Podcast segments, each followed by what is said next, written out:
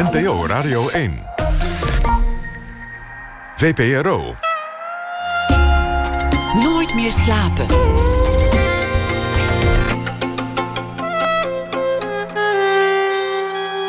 Met Pieter van der Wielen. Goedenacht en welkom bij Nooit meer slapen. Een sportwagen zo mooi dat hij zelfs in stilstand bewondering oproept. De McLaren, een Brits merk. Ze zijn te zien in uh, Museum Lauwman in Wassenaar. Auto's in het museum dat na ene niet groei, maar krimp zou het ideaal moeten zijn. Een mens van 50 centimeter lengte zou een stuk minder CO2 uitstoten. Zomaar een van de gedachten van uh, Arne Hendricks. Hij is uh, kunstenaar en hij heeft een nieuw project aan de Universiteit van Utrecht. Hij is ook de gast na ene. Maar we beginnen komend uur met uh, Diana Scherer. Underground kunst zou je het kunnen noemen in zeer letterlijke zin. Want ze kweekt planten, niet voor de bloem of voor het blad, maar vanwege de wortels die ze op allerlei manieren in de meest onvoorstelbare vormen laat groeien. Als mozaïeken, als wandkleden. En het zou zelfs ook textiel kunnen zijn. Misschien zou je er ooit kleding van kunnen maken. Haar werk is nu uh, te zien op meerdere plekken. Onder meer uh, op de expositie Earth Matters in Tilburg in het Textielmuseum. Haar foto's die zijn te zien in het Rotterdams uh, Fotomuseum. En in Amsterdam komt er nog een expositie in Mediamatic. En dat is vanaf komend weekeinde. Scherer werd geboren in 1971. Dat uh, gebeurde in Duitsland. Ze groeide op in Beieren. Via de modeopleiding in Londen kwam ze terecht op de Rietveld Academie. Daar deed ze eerst fotografie. Uh, haar werk is over de hele wereld tentoongesteld. Maar inmiddels vanwege het werk met de wortels van planten... gaat het verder dan de kunst alleen. Het is wetenschap geworden en misschien wordt het zelfs zelfs uh, ooit ondernemen. Diana Scherer, hartelijk welkom. Hallo. Hoe doe je dat eigenlijk? Hoe, hoe maak je, hoe maak je van, van de wortels van, van gras of van planten een, een mooie vorm? Hoe krijg je die plant zo gek om die wortels zo te vervormen? Ik gebruik inderdaad meestal grasachtige, dus graan meestal. Dat groeit ook het snelst. En dat uh, zijn ook de wortels die het het fijnst vinden in mijn patronen te groeien. Uh, ik heb een techniek ontwikkeld met patronen, met schablonen onder de grond. Uh, en nou, dat uh, heb ik twee verschillende technieken. De ene is dat eigenlijk die patronen groeien nog met de, dat de aarde daar nog aan blijft. En de andere techniek is dat ik ook de aarde heel makkelijk ervan kan aflossen. En uh, eigenlijk alleen maar nog een soort kantachtig textiel overblijft. Dus hoe ik dat precies doe, daar ben ik natuurlijk altijd vrij geheimzinnig over. Maar ik word wel wat makkelijker Um, het is een beetje geheim, want het is, het is niet voor iedereen, het, niet voor de concurrent. Nou, ik vind het leuk om mysterieus te houden. Dat is mijn beeldende kunstenaarschap. Dan blijft het wel wat spannender, ook voor de kijker. Als ik het precies uitleg, valt er natuurlijk ook een mysterie weg. Uh, ik zie dat dan bij mijn design, omdat het ook nou, veel mensen uit de designwereld uh, hiernaar kijken. Uh, ik zie bij mijn collega's uit de designwereld meer dat zij hun techniek altijd precies uitleggen. Heel trots zelfs. En helemaal geen angst voor concurrentie. Integendeel, ze wil het graag delen. Dus ik word wat makkelijker. En afgelopen maandag was ik op een conferentie over materialen en technieken en innovaties. Toen had ik besloten, nou, ik, ik ga misschien toch ook al een beetje meer over vertellen over mijn techniek. Dus uh, de schablones uh, zijn van uh, hout gesneden. Dus je, je hebt een, een, vormpje, die leg je onder de grasmat. En, ja. en die, die wortel wordt als het ware gedwongen om in die richting Precies. te gaan groeien. Precies. Het zijn allemaal kleine, hele fijn gesneden schabloontjes waar ze in moeten groeien. En de, de wortel is heel dynamiek. Dynamisch. Daar zit een dynamiek in, omdat ze continu op zoek is naar eten en, en voeding, water. Uh, ze groeien ook echt overal in. Soms ook te veel. Ze, uh, dat was in het begin van mijn onderzoek nog wel een probleem... want heel veel van mijn materiaal was niet geschikt... omdat de wortels daarin groeiden in plaats van in de gaten waar ik het voor bedoeld had. Eigenlijk martel je die planten. Ja. Ze, ze hebben honger, ze hebben dorst, ze hebben, ze hebben zin in licht... En, ja. en, en je maakt het ze moeilijk. Nou, ik martel ze niet. Ze krijgen wel eten en, en drinken van me. Daardoor blijven ze natuurlijk aan het groeien. Maar je maakt het ze wat moeilijker. Licht willen de wortels helemaal niet. Dus dat uh, wel boven. Maar beneden, juist in het donkere... Uh, de wortel zoekt donker op. Uh, als ik er licht bij laat, dan groeit het niet meer. Ehm, maar ik martel ze wel, want ik laat ze niet de levensruimte... die zij op zich nodig hebben, ondergrond. Ja. Maar goed. Ik bedoel, ik, ik heb vanavond biefstuk gegeten. Dus om, om dan over gras te gaan, gaan mieren... Nee, dat, dat is misschien wat overdreven. Alleen als je bij een bloemstal kijkt. Het zijn allemaal afgesneden planten en bloemen. En die geven we zelfs aan onze geliefdes. Dat is niet zo heel veel anders. En die, ja, die gaan toch ook, die vergaan ook na een week of na een paar dagen. Veel sneller dan mijn werk eigenlijk. Want dat blijft over.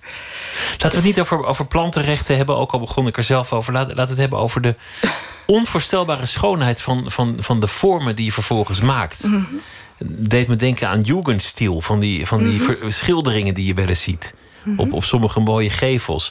Soms leek het op mozaïeken, zoals je die ziet in, in, uh, in tegelpatronen.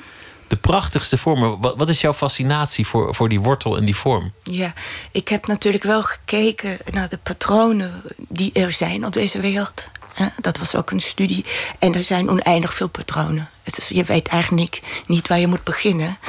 Dus uh, ik heb besloten, of, of ik vond het voor de hand liggen... of ik wilde dat graag um, patronen gebruiken die ergens met de natuur te maken hebben, die daarop gebaseerd zijn. Dus je noemt een jugendstil, en dat klopt. De jugendstil is gebaseerd op de natuur. Het zijn allemaal gewoon vormen die afgeleid zijn door ontwerpers uit die tijd, die met uh, planten te maken hebben, met natuur.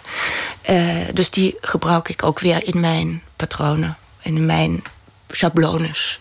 Dat was een ordening die mensen al meenden te zien in de natuur die tot kunst is, is eh, verheven. En, jij brengt het terug naar de natuur, als het ware. Ik breng het weer terug. Dus dat is weer zo'n zo'n kringloop eigenlijk. Uh, dat is inderdaad de jugendstil. En dan heb je wat... Je had het ook over de geometrische patronen. De mozaïeken. Of, uh, en dat is eigenlijk geometrie. En dat is eigenlijk uh, wiskunde en is oeroud en is ook terug te vinden in de patronen van de natuur. Dus in, in cellen bijvoorbeeld, in het honinggraad. zijn allemaal uh, wiskundig berekenbare vormen die de natuur al heeft. Dus er zit een soort ordening inderdaad. En die probeer ik ook te bestuderen en weer in mijn patronen te verwerken. Waren er mensen die in het begin zeiden, toen je hiermee begon met wortels in vormen laten groeien, die zeiden dat, kan helemaal niet? Ja, dat. Uh, Hou ermee op. Dat zeiden ze niet, maar ze geloofden er niet in. Nee, ik heb op een gegeven moment contact opgenomen met wetenschappers. Met, uh, ik uh, dacht, daar is een heel verhaal over de plantenwortels en de onderaardse processen. Daar wil ik meer over weten. En uh, ben naar Wageningen gegaan. En de, de, de, de, hoogleraar van Wageningen, die over de wortels ging... heeft me eigenlijk direct naar de Radboud Universiteit in Nijmegen gestuurd... omdat de meest gespecialiseerde wortelexperts daar zitten. Ze hebben daar ook een wortellab en uh, een hele afdeling gaat over plantenwortels. En dat vond ik natuurlijk heel spannend. en ze begrepen dus ook mijn fascinatie, dat is heel belangrijk. Uh, en ik kreeg een plekje, sindsdien werk ik daar Um, onder andere. Um, maar toen ik hun mijn plan vertelde, zeiden ze dat ze daar niet in geloofden. Maar dat ik wel natuurlijk aan, aan, de slag mocht gaan. En ik mocht de kassen in de winter gebruiken, bijvoorbeeld. Wat heel fijn is, dat je dat hele jaar door kan onderzoeken. Anders ben je seizoensgebonden. Ik heb, ik heb in mijn atelier geen, geen, niet zo'n verwarming en niet zulke goede lampen als zij. Uh, maar uiteindelijk is het na een jaar, het duurde wel een heel jaar, is het gelukt. En nou, waren ze daar erg, uh, erg tevreden over. Je hebt ze versteld toen staan in hun eigen vakgebied met, uh, met dit. Het gaat veel verder, want inmiddels wordt het ook geopperd als mogelijk bron voor textiel. Mm -hmm. dan, dan heb je dus een bron van textiel die zelf CO2 opneemt in plaats van, van uitstoot. Want, mm -hmm. dat doen planten. Maar laat, laten we het eerst hebben over waar het, waar het over begon. Je, je fotografeerde bloemen die je helemaal in een vaas hun, hun wortels had laten groeien. En dan haalde je de vaas er vanaf. En dan fotografeerde je dat en dan was het een moment van kwetsbaarheid. Het zag, er, het zag eruit alsof, alsof die bloem daar nog wel stond, maar ontheemd was. Zijn huis verloren, naakt. Ja, dat is wel een beetje wat ik doe. De, ik, ik, laat het onzichtbare dan ook zien, of kleed eigenlijk de plant uit. Um, dat is, heb ik in 2012 deze serie gemaakt. En ook een boek uh, met deze serie. Um, ja, dat, dat, dat, zo begon het eigenlijk een beetje dat ik ontdekte... ik kan hier vormen mee gieten. Ik kan er iets eigenlijk... Het is afgietbaar materiaal eigenlijk, de plantenwortels. Want ze zoeken, zoeken elk keertje op. Ook in zo'n vaas. Maar dat kent eigenlijk iedereen al van een gewone pot. Waar de plant veel te lang in gegroeid is. En je haalt hem eruit. En dan, dat noem je dan rootbouw. Daar zitten gewoon zoveel wortels, bijna geen adem meer in. En dat fenomeen uh, wilde ik gewoon gebruiken in mijn werk met die fase. En doordat ik het nog kapot sloeg eigenlijk, dan moest het nog wel aan, hè, want anders haal je die vorm er niet uit. Was het misschien ook nog wel een kwetsbaarder moment. Wortels en kwetsbaarheid. Dan, dan, dan kom ik ook vanzelf op, op je eigen wortels, je eigen oorsprong. Je, bent, uh, je bent geboren in Duitsland en of, of vrij snel terechtgekomen in, uh, in, in Beieren. In de, in de buurt van München ben je opgegroeid. Ja. Je, je moeder was relatief jong toen, toen jij mm ter aarde kwam. Mm -hmm. En uh, de, de vader bij wie je bent opgegroeid, dat was je stiefvader. Want, want je, je biologische vader en je biologische moeder zijn niet bij elkaar gebleven. Nee. Wat, wat, voor, wat, voor, wat voor jeugd heb je gehad? Als je terugdenkt aan je eigen wortels. Ja, precies. Ik uh, denk ook dat mijn werk vrij veel hiermee te maken heeft. Um, mijn jeugd, nou ja, dat was wel een beetje een treurige situatie. Dat mijn ouders uit elkaar zijn gegaan. En uh, het het was niet makkelijk in mijn familiesituatie. Met die nieuwe man en mijn een beetje um, lastige moeder. Maar um, ik had wel ontzettend veel leuke vrienden in die buurt. Dat, dat, dat, daar, dus ik heb twee kanten. Ik herinner me aan twee dingen. Aan die ontzettend leuke vriendenkring die ik had. Uh, en dat uh, niet zo gezellige thuissituatie. Beieren was leuk, maar thuis was het niet, niet zo leuk. Beieren dat... was leuk, ja. Nou, Precies, zo kan je het zeggen, ja. Of nou ja, Beieren, je, je eigen de omgeving. De omgeving was, was ja, dat het, was het, het dorp, de vriendjes, de school. Ja, ja, precies. Want ik ben eerst in München opgegroeid... en dan gingen mijn ouders naar een dorp verhuizen. En uh, dat was eigenlijk een heel, heel fijn dorp. Want heel veel families uit München gingen daar naartoe verhuizen. Dus ik had ontzettend leuke, leuke vrienden daar. En aan het water, wat, was aan een zee. Het was, was heel idyllisch. En, uh, ja. en wat was het probleem thuis? Uh, ja, mijn moeder die is uh, nog wel een egocentrische, lastige vrouw geweest. Uh, die. ehm, en afstandelijk. Ik voelde mij daar niet echt. Niet, zeker, niet echt geliefd. ja, niet thuis. Ik voel me daar nog steeds niet heel thuis als ik nu ook thuis kom. Dus dan komt het weer met de wortels. Die, die zijn ergens helemaal niet. ik, ben hebben, niet ik ben niet verankerd. Jullie hebben nog wel contact? Je, je komt Momenteel nog wel. weer niet. Dat gaat eigenlijk al mijn hele leven zo. Uh, sinds mijn achttiende. Dat het is een beetje een aan-out situatie. Die is nu, nu is het net weer even oud. Ja, klinkt misschien kinderachtig, maar. Uh, blijkbaar komen we er niet van af. Dat vind ik wel jammer, ja. Jullie lossen dat, dat niet nee, op? het is wel vaak geprobeerd, maar toch elke keer weer die, uh, die het. Uh, ja. Um, je, je zegt dat je moeder niet naar jou omkeek, dat ze je eigenlijk niet echt zag, weinig ja. aandacht voor je had. Ja, mijn moeder was heel erg met zichzelf bezig. Ja. Wat, wat was andersom het probleem? Wat, wat had je moeder gewild dat, dat jij was geweest? Of had ze gewild dat je, dat je niet was geweest? Ik denk dat mijn moeder een ideaal wilde. Dat denk ik dat veel ouders heel graag willen... dat hun kinderen op een bepaalde manier zijn. En dat kon ik niet waarmaken, omdat ik heel erg anders ben. Het ging, mijn moeder is heel uh, gefocust op haar uiterlijk. En dus was ook heel gefocust op mijn uiterlijk. Uh, ze is ook wel een knappe vrouw geweest. Maar als kind is... al? Als kind was ze al gefocust op jouw uiterlijk? Toen ik een kind was, ja. Ja, en uh, ik, uh, ze, ze, ze, heel, ze heeft een slankheidswaan. Dus eigenlijk, het gaat, ging, ging heel erg over dik en dun zijn. En dat werd wel een probleem toen ik in de puberteit kwam werd ik een beetje dikker. Wat veel meisjes hebben als de hormonen beginnen te, uh, te komen. Uh, dat was voor haar een heel groot probleem. En dat werd voor mij uiteindelijk dan ook een probleem. Ze, ze vond jou, dat, dat zei ze ook gewoon te dik. Terwijl, ze heeft was me je? eigenlijk op mijn dertiende dan op dieet gezet. En dat, dat resulteerde helaas bij mij in een eetstoornis. En dat is eigenlijk zo'n heftige ervaring voor mij. Die, die had ik dan acht jaar. Uh, dat, dat ik denk ik hier ergens dat uh, eeuwige, dat niet, ja, dat ik toch moeite heb om haar te vergeven. Wat, wat, voor dieet was dat? Hoe, hoe ging dat? Want mocht, mocht je dan ja, geen koolhydraten of wat was dat in die nee, tijd? Nee, ze, ze, begon eigenlijk, dat is eigenlijk als ik, het, ik heb zelf ook wel een kind, dus het is voor mij bijna onbegrijpelijk dat ze dat gedaan heeft. Maar je had in die tijd, en ik denk dat dat nu ook nog bestaat, van die poeders. Dan had je um, zo'n shake en als je dat twee per dag at, had je precies zo'n soort bepaalde soort calorieën. Had je controle over de calorieën en had je alle voedingsstoffen binnen. Dat kreeg ik van mijn moeder. En, Op je dertiende? Ja, en dat ging natuurlijk hartstikke mis. Omdat ik dan stiekem ging eten. En uh, uh, nou ja, dan, dan zit je op een gegeven moment gewoon in een probleemsituatie. Als je niet mag eten van je moeder, ja. Je, je zei dat je een eetstoornis kreeg, die, die nou, lijkt me een logische conclusie daarmee te maken had. Kon je daarover praten? Kon je, kon je tegen iemand zeggen op een zeker ogenblik: Het gaat niet goed met me, ik, ik, heb, ik heb een eetstoornis, ik heb hulp nodig? Nee, helemaal niet. Dat was ook echt acht jaar lang een geheim. Tenminste, dat is niet waar. Ik uh, heb het op mijn achttiende naar buiten gebracht. Dus van dertien tot de achttiende. Daarna was ik nog wel een beetje ziek, maar dan is het langzaam wegge, het is langzaam weggeëpt of weggegaan.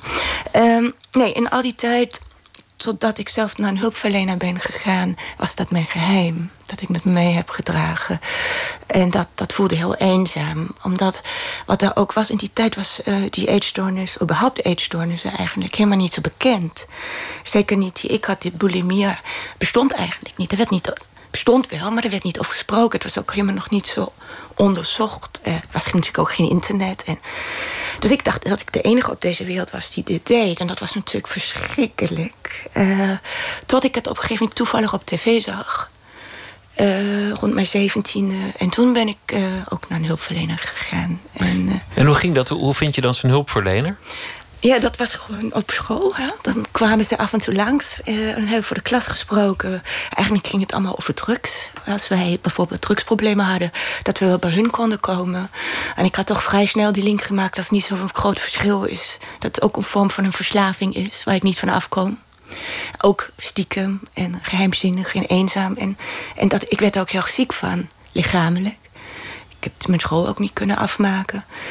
Um, dacht ik, nee, daar, daar moet ik, dan ga ik daar naartoe, dacht ik. En dat, dat, ze hebben me ook onmiddellijk geholpen en wisten precies uh, uh, wat ze moesten doen. En toen je moeder erachter kwam, want als, als jij in de hulpverlening terechtkomt, dan, dan komt ook waarschijnlijk het, het moment als minderjarige dat, dat ze het je, je ouders gaan vertellen. Ja, die, die werden uitgenodigd tot een gesprek. En uh, dat, nou ja, toen waren, waren ze wel vriendelijk. Uh, en mijn moeder heeft dan ook heel erg even haar best gedaan. Dat duurde twee weken. En dan heeft ze met huis uitgegooid. Want dat was toch in haar ideaal weer niet. Dat kon natuurlijk niet. Zoiets onder haar dak. Dat heeft ze trouwens letterlijk tegen mij gezegd. Je, je was niet het ideaal en nu had je ook nog een En dan had ik ook nog dat. En, en toen werd je eruit gedonderd. Toen werd ik eruit gedonderd. Ik was dan inmiddels denk ik al 18. Maar toch is dat natuurlijk verschrikkelijk vernederend. En... Uh, uh, dan ben ik naar mijn vader gegaan. Uh, uh, tot, tot die kliniek plek voor me had. Ik werd opgenomen in een kliniek, maar die, die hebben niet direct plek. Dus dan moet je even wachten. Dus dat, dat zijn zo dingen waarom, um, waarom de, die aan-out situatie van de afgelopen twintig jaar. Dan begrijp ik ook waarom het wortels en het, en het kneden in ja. ideale vormen, dat dat toch een beetje je denk, thema is geworden. Ja, dat, ik, ik zie daar toch wel een soort verwantschap in. Precies. Wat voor herinneringen heb je aan die kliniek? Oh, dat was heel fijn. Dat was een van de beste plekken van mijn leven. Dat, uh, dat is een verademing. Uh, je komt in een groep uh, vrouwen terecht, of meisjes. Allemaal, geen jongen erbij, maar allemaal meisjes. Die allemaal hetzelfde probleem hadden. Met variaties. Die eetstoornissen hebben allemaal allerlei variaties. Van anorexia, bulimia, mengvormen. Dat is de gekste dingen kom je tegen. Maar wij konden zo ontzettend veel uitwisselen. En en met name heel erg lachen. Dat we konden zo ontzettend over onszelf lachen. En dat relativeerde de hele situatie. Uh, dat was heel erg genezend. Ja. Want daar hoefde je eigenlijk niet de hele dag te voldoen aan iemands ideaal. Nee. Daar kon je gewoon imperfect zijn. Ja, ja met z'n allen, ja. Je bent, uh, je bent weggekomen ook een beetje via de kunst. De kunst is ook een manier geweest om, om weg te komen uit dat, dat dorp in Beieren en die omgeving waar je Mhm. opgroeide. Welke route heb je toen afgelegd? Waar, waar, je bent in Londen terechtgekomen. Ja. Maar toen was het nog mode wat je wilde Ik wilde gaan mode doen. gaan studeren. En uh, dan dacht ik, dan moest ik naar Londen. Dat was toen in die tijd, of is waarschijnlijk nog steeds. Ik ben niet zo op de hoogte van de mode momenteel. Maar um, van, nou, als je mode wilde studeren, moest je ook naar Central St. Martins in Londen. Dus ik dacht, daar ga ik naartoe. ik heb uh, een jaar lang eerst maar gewerkt in Londen. En heb dan ook toelating gedaan. En ik werd daar ook helemaal niet aangenomen bij Central St. Martins. Maar wel bij een andere school trouwens, Fashion Institute. Dat, dat was dan ook fijn. En na een jaar nadat ik daar gewerkt had. Maar ik, in, de, in de tussentijd was ik een, een Nederlandse jongen tegengekomen. En was dan ook wel na een half jaar alweer zwanger. Oh, dus je, je bent ook jongmoeder geworden relatief? Ik heb het toch, ja. Net als je, als je eigen moeder? Ja, ik was 23. Met 23 was ik oh ja, zwanger. 23 is jong. eigenlijk wel mee. Ja, dan ben je nog niet een tienermoeder of zo? Nee, nou, volgens mij tegenwoordig wordt tot 23... Ben, hoor je nog bij de tienermoeders. Oh, oké. Nou ja. Maar uh, goed, nou ja, Klinkt niet als een tienermoeder. Nee, relatief jong, maar, maar, maar toch ik was wel heel erg jong als persoon, vond ik wel. Maar ik ging daar wel voor. En uh, ja, uh, Michiel ook. En uiteindelijk was dat ook een hele mooie ervaring. Alleen dat studeren in Londen ging niet door. Um, dus we gingen naar Nederland. En dan ging ik een jaar lang later op de Rietveld uh, studeren. Met een kleinkind. Toen werd het, werd het fotografie. Ja. Jouw hele vroege werk gaat ook heel erg over, over perfectie en, Mhm. en schoonheidsidealen. Maar die schoonheidsidealen die, die, die worden bijna eng. Dat, Ja. dat, je, dat je iemand ziet die zo perfect is, dat je denkt, leeft hij eigenlijk nog wel? Zit, zit ik nou naar, naar een lijk te kijken of, of is het nou perfect? Ja, het gaat zeker over vrouwelijkheid, denk ik. En wel dat is denk ik, zijn allemaal zelfportretten, denk ik. Heel erg zoek op mijn, naar mijn eigen vrouw. Het is heel psychologisch werk was dat wat ik vroeger deed. Naar mijn eigen vrouwelijkheid, omdat ik dat blijkbaar niet waar kon maken. Ik kon dat niet in, een, in mijn moeder ehm, zien of, vinden. Dus dat werd ook eigenlijk door haar afgedood. Want ik was niet goed genoeg als meisje eh, in haar ogen. En daar gaat dat werk erg over. Dus, en dan, daar zie je die dood ook elke keer weer. Dat ligubere in het werk heeft daarmee te maken. Denk, denk, ik was trouwens niet be- bewust daarmee bezig. Dat gebeurde wel intuïtief. eh. Het was, je maakt het intuïtief, maar je, hebt later bij jezelf gezien van god, die thema's komen ja, terug. later zie je dat wel. Perfectie en, en het voldoen. Ja. En, en hoe komt dat lugubere er dan in? Hoe, hoe komt de dood kijken bij een schoonheidsideaal? Ja, ik denk dat dat toch mijn eh, gevecht daarmee is. Dat gevecht van dat dat ergens zo van mij verwacht werd. En ik dat eigenlijk niet wilde, want ik was helemaal niet zo'n meisje of zo'n vrouw. Ik was veel meer een tomboy, een Pippi Lankhuis. Wat veel kunstenaars eigenlijk als een soort voorbeeld nemen, begreep ik later. Pippi Lankhuis was ook mijn groot voorbeeld. Een hele, ik wilde sterk zijn en wild en, en, en dingen maken, maar geen poppetje. En dat poppetje spelen heb ik denk ik, dat is een beetje een pop, dat levenloze wat in die beelden, dan zijn misschien een soort poppenspel wat ik speel. En dat toch afdoden van iets, maar toch weer liefhebben. Heel ambigu. Een beetje, ja. ja. Die worsteling, blijft, blijft het eigenlijk je hele leven? Als, als iemand jou als, als, als jong meisje permanent laat voelen dat je, dat je niet voldoet, Mm. dat je niet mooi genoeg bent, dat, dat perfectie het doel moet zijn, maar dat jij er niet aan voldoet. Is dat iets dat je ooit achter je laat? Ja, in de grote lijnen wel. Ja. Eh, maar in, in, subtiele, of subtiel of in, in, in bepaalde situaties komt dat wel naar boven. Een hele onzekerheid. Nu ben ik niet goed genoeg. Of, eh, of dat nou echt nog met mijn uiterlijk heeft, dat dan denk ik niet meer. Dat heb ik denk ik nog wel los kunnen laten, gelukkig. Maar dan gaat het misschien meer over dingen als mijn werk. Hè? Dat je daar onzeker over kan worden. Of dat, dat je daar een perfectie wil bereiken. Of in persoonlijke in relaties, bijvoorbeeld eh, vriendschappen, sociale omgang. Acceptatie zal altijd wel een, wel een, uh, ja, heel gevoelig snel, punt blijven. Ik, ja, ik weet toch wel echt dat laatst nog een vriendin tegen me zei... Jana, je, je hebt wel heel vaak de fantasie dat mensen jou niet leuk vinden. Dat je vergist je gewoon. dus dat, dat blijft een beetje... Daar heb ik wel over nagedacht. Dacht ik, ja, misschien heeft ze wel gelijk. Is dat mijn fantasie eigenlijk meer dan... Hij, haar viel dat wel op laatst, ja. Misschien is dat dan hoe het toch nog terugkomt. Die... Aan elkaar geklampte wortels in een uh, gebroken vaas. Zo, zo kwamen we hier, uh, mm -hmm. hier terecht. Laten we luisteren naar uh, muziek van Jason Isbell. En dit nummer uh, komt van zijn nieuwe album, The Nashville Sound. En de titel is If We Were Vampires.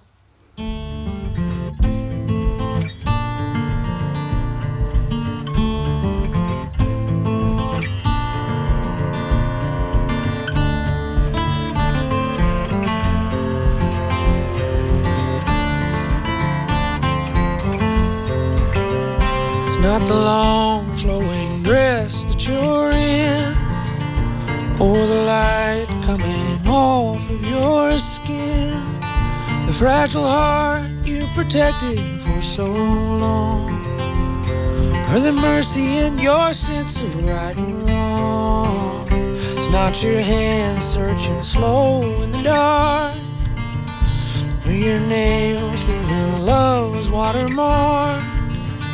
It's not the way you talk me off the roof. Your questions like directions to the truth. It's knowing that this can't go on forever. Likely one of us will have to spend some days alone. Maybe we'll get 40 years together. But one day I'll be gone. One day you'll be gone. If we were vampires and death was a joke, we'd go out on the sidewalk and smoke and laugh at all the lovers and their plans. I wouldn't feel the need to hold your hand. Maybe time running out is a gift. I'll work hard till the end of my shift give you every second I can find. And hope it isn't me who's left behind. It's knowing that this can't go on forever. Likely one of us will have to spend some days alone. Maybe we'll get 40 years together. One day I'll be gone. One day you'll be gone.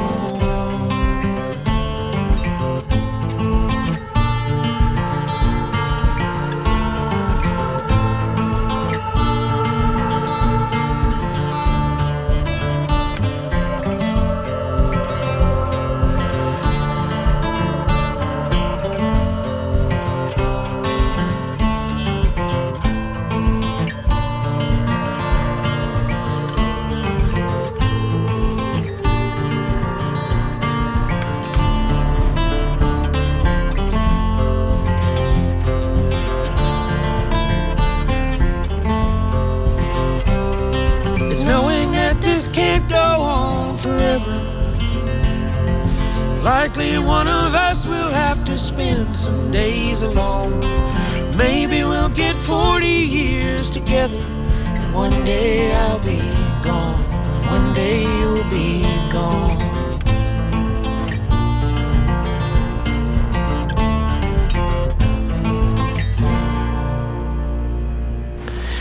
Jason Isbell, If We Were Vampires, van zijn eh, nieuwe album The Nashville Sound. Nooit meer slapen in gesprek met eh, Diana Scherer. En eh, we hebben het gehad over, over de wortels en de fascinatie voor wortels in de kunst. En, en over hoe je een plant martelt zodat hij, nou hoe je het een plant moeilijk maakt, zodat de wortels de vorm aannemen die jij wilt. En toen kwamen we te spreken over jouw eigen wortels. Een aantal thema's die altijd terugkomen: perfectie, schoonheid, iets willen kneden in een vorm waar het eh, vanzelf niet in zou komen. Wortels en het ontheemd zijn.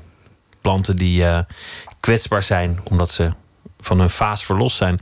Foto's die, die ontzettend mooi zijn, bijna aangrijpend. Terwijl het gewoon gaat om, om, om bloemen met wat wortels. Maar, maar eh, op de een of andere manier gaat het dus over, over, die, over die kwetsbaarheid, over die schoonheid en ook over vrouwelijkheid. En je vertelt over je jeugd. En nou ja, het, het goede nieuws is dat je dan op je jonge jaren al het leed al achter de rug hebt. Althans, de- daar ga je Zo dan maar het. vanuit. Ja, voor mij. Het, eh, ik, eh, ik zeg altijd, ik heb op mijn achttiende de dieptepunt van mijn leven gehad. En mij kan niks meer overkomen. Dat is een beetje zo'n idee van... eh, ik ben niet zo bang voor wat er nog komt. Vanaf nu is het alleen maar Ja. beter. Ja, Naar, naar het ja, licht toe. Ja, dat is toch wel echt een... In, in het begin ging, je- ging je foto's over schoonheid en idealen, maar op een, op een manier die, die luguber werd. Je hebt ook ehm, op, op een zeker ogenblik een soort crime scenes nagemaakt met, met Ja.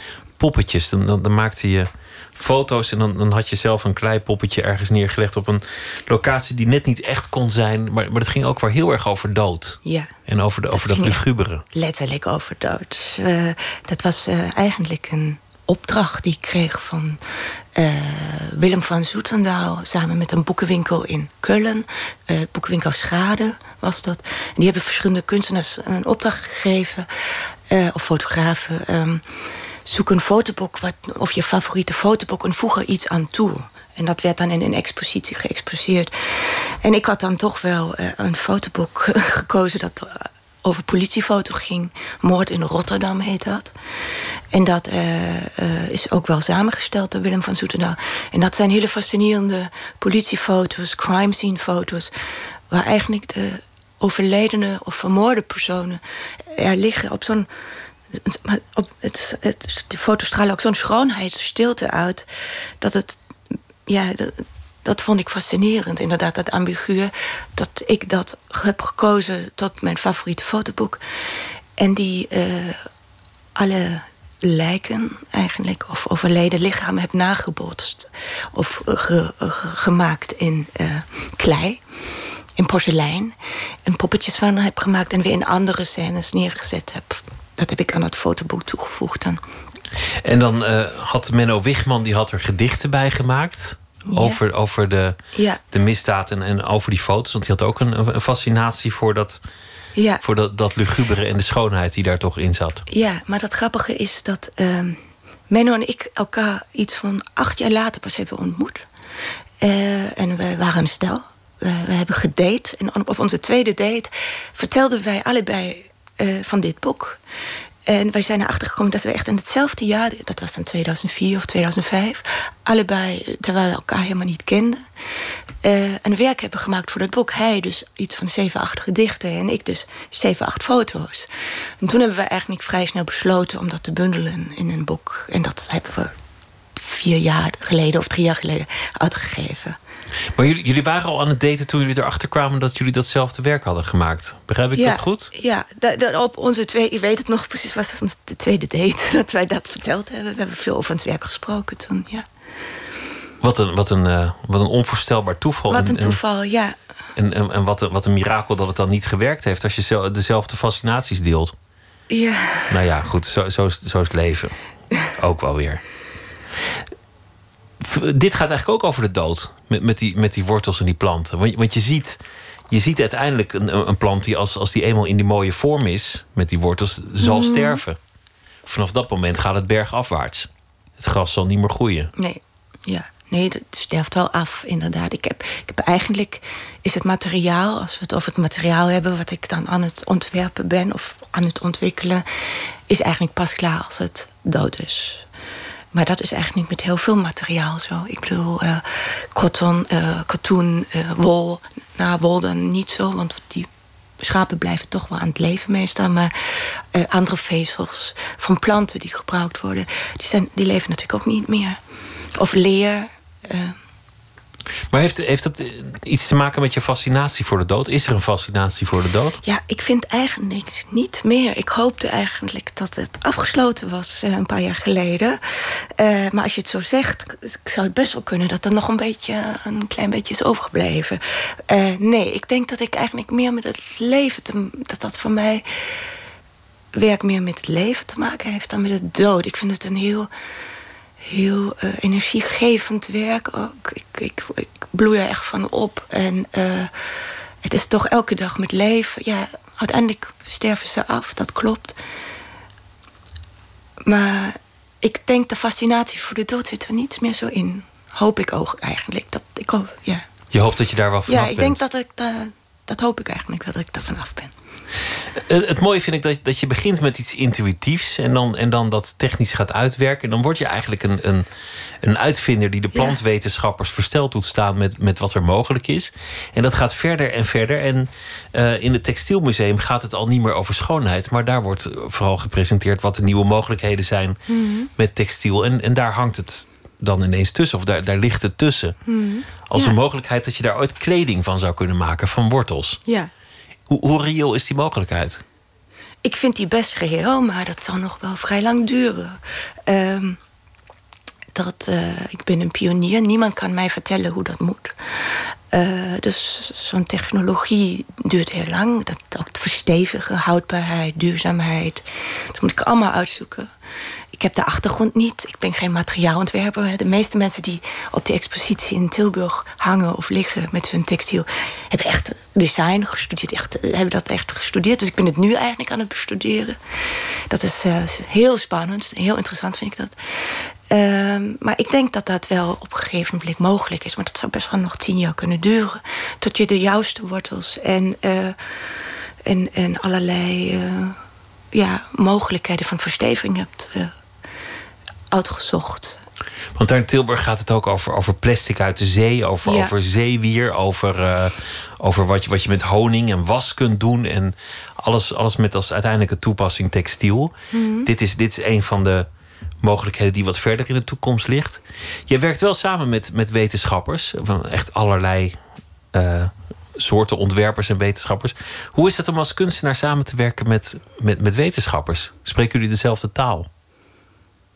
Mm, hangt een beetje van de wetenschappen af. Je hebt er twee verschillende soorten. De, de, de, de, de, wetenschap die heel enthousiast en intuïtief ook is een beetje dromerig misschien. Die zegt dat met veel fantasie. En dan meer de, de heel rationele type die gewoon echt heel beetje nerdy uh, probeert problemen op te lossen.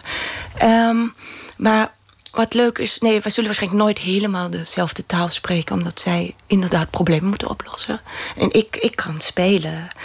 Uh, maar de wetenschappen met die ik het goed kan vinden en die mij ook wel helpen, die vinden dat juist heel leuk dat ik met hun fascinatie, hun werk ook speel. En dat op die manier, op een esthetische manier, naar buiten breng en aan de maatschappij toon. Want uh, ze vinden eigenlijk dat de interesse in plantwortels veel te klein is. Uh, en ik toon dat, breng het naar buiten. En dat, dat, dat uh, ja, ik ben zo'n schakel tussen de wetenschap en de maatschappij dan. Maar je zou denken dat wetenschappers op hun manier ook heel creatief bezig zijn. Tuurlijk, ze moeten wel creatief kunnen denken. Anders krijg je moeten ideeën, concepten. Zeker. Maar ze zijn natuurlijk niet bezig om iets moois te creëren. En ik wel. Ik wil wel, tenminste, mooi, ik wil wel de kijker raken.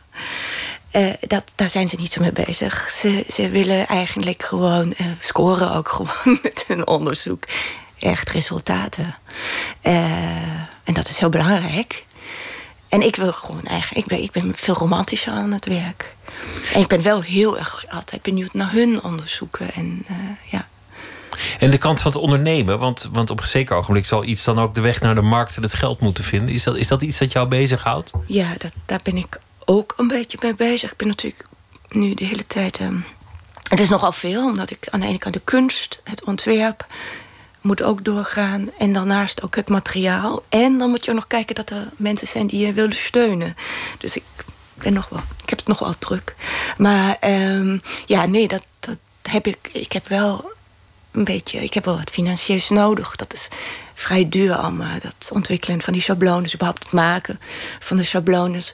Die hele onderzoek. Um, uh, gelukkig heb ik wel een paar mensen die mij helpen. Ja, want zoals je net zei, deed je jezelf eigenlijk tekort. Want, want je zei het vrij eenvoudig. Ik maak een schabloon en dan groeit die wortel daarin. Maar het is natuurlijk ook zo dat je, dat je werkt met bepaald soort UV-licht... zodat die één deel van, van een UV-filter opneemt... zodat die plant alleen maar in die richting groeit. Het, het gaat verder dan alleen maar een vormpje onder de, onder de, te, onder de grasmat uh, kwakken.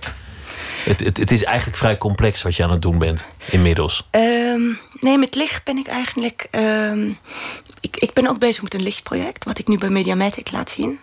Dat is een, heeft niet zo heel veel met de wortels te maken, maar dat komt op een gegeven moment waarschijnlijk wel bij elkaar. Um, uh, Mediamatic, die expositie, is, uh, gaat echt over licht en de uitwerking van de verschillende soorten licht, kleurenlicht. Uh, op een plant. Dus wat ik gedaan heb is ook alweer niet zo aardig. Ik heb het spectrum gesplitst. En dan hebben we er zes kassen neergezet aan de kade van de Dijksgracht. In elke kas zijn dertig verschillende soorten, wel dezelfde soorten. En elke kas is behangen met een andere filter, die alleen maar één kleur licht binnenlaat.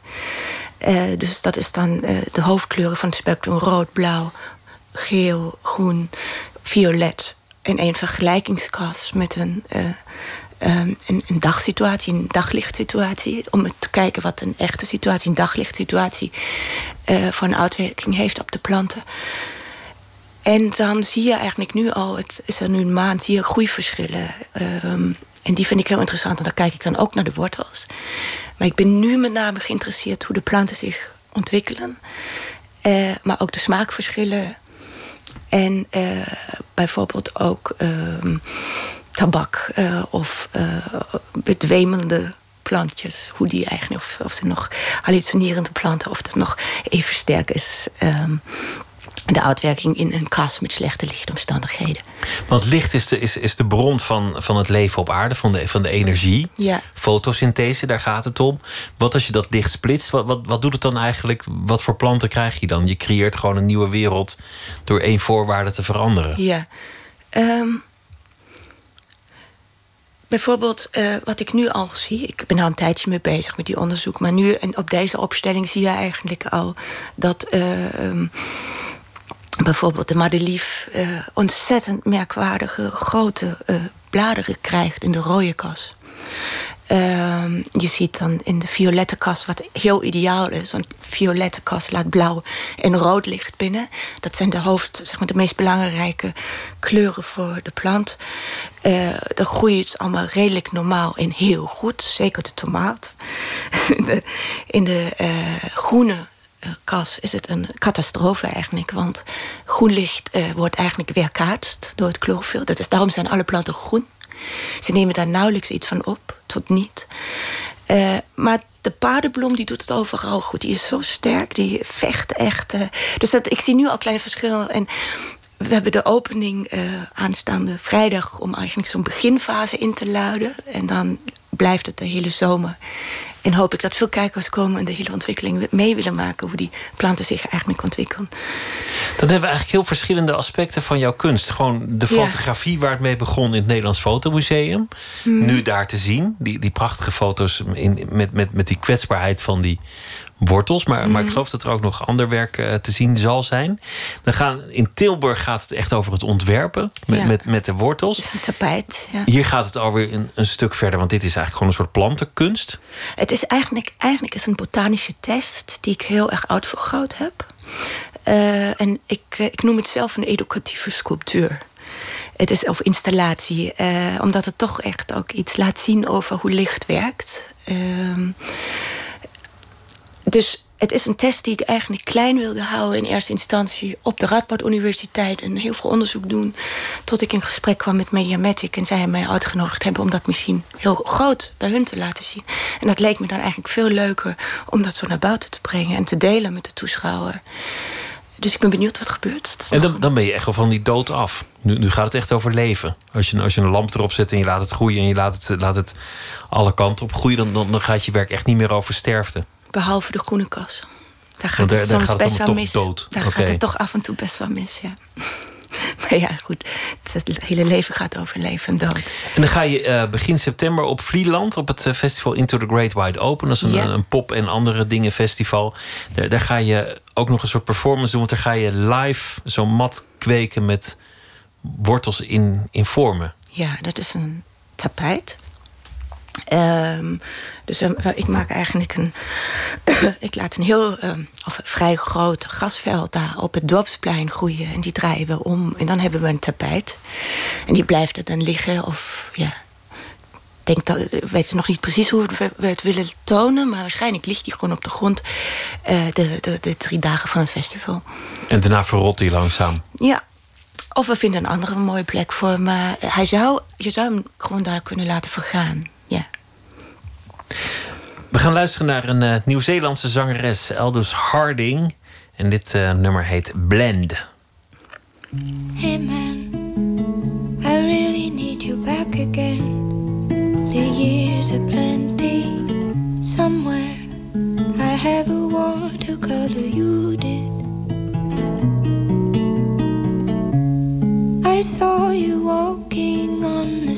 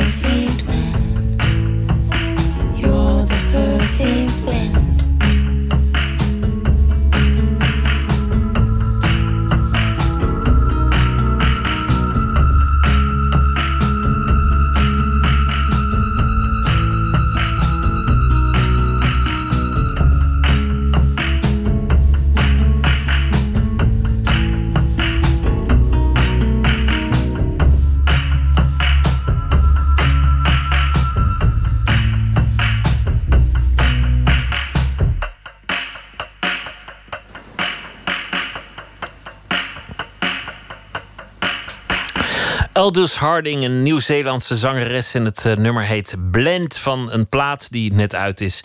En de titel daarvan is uh, Party. Diana Scherer zit tegenover me in het programma Nooit meer slapen.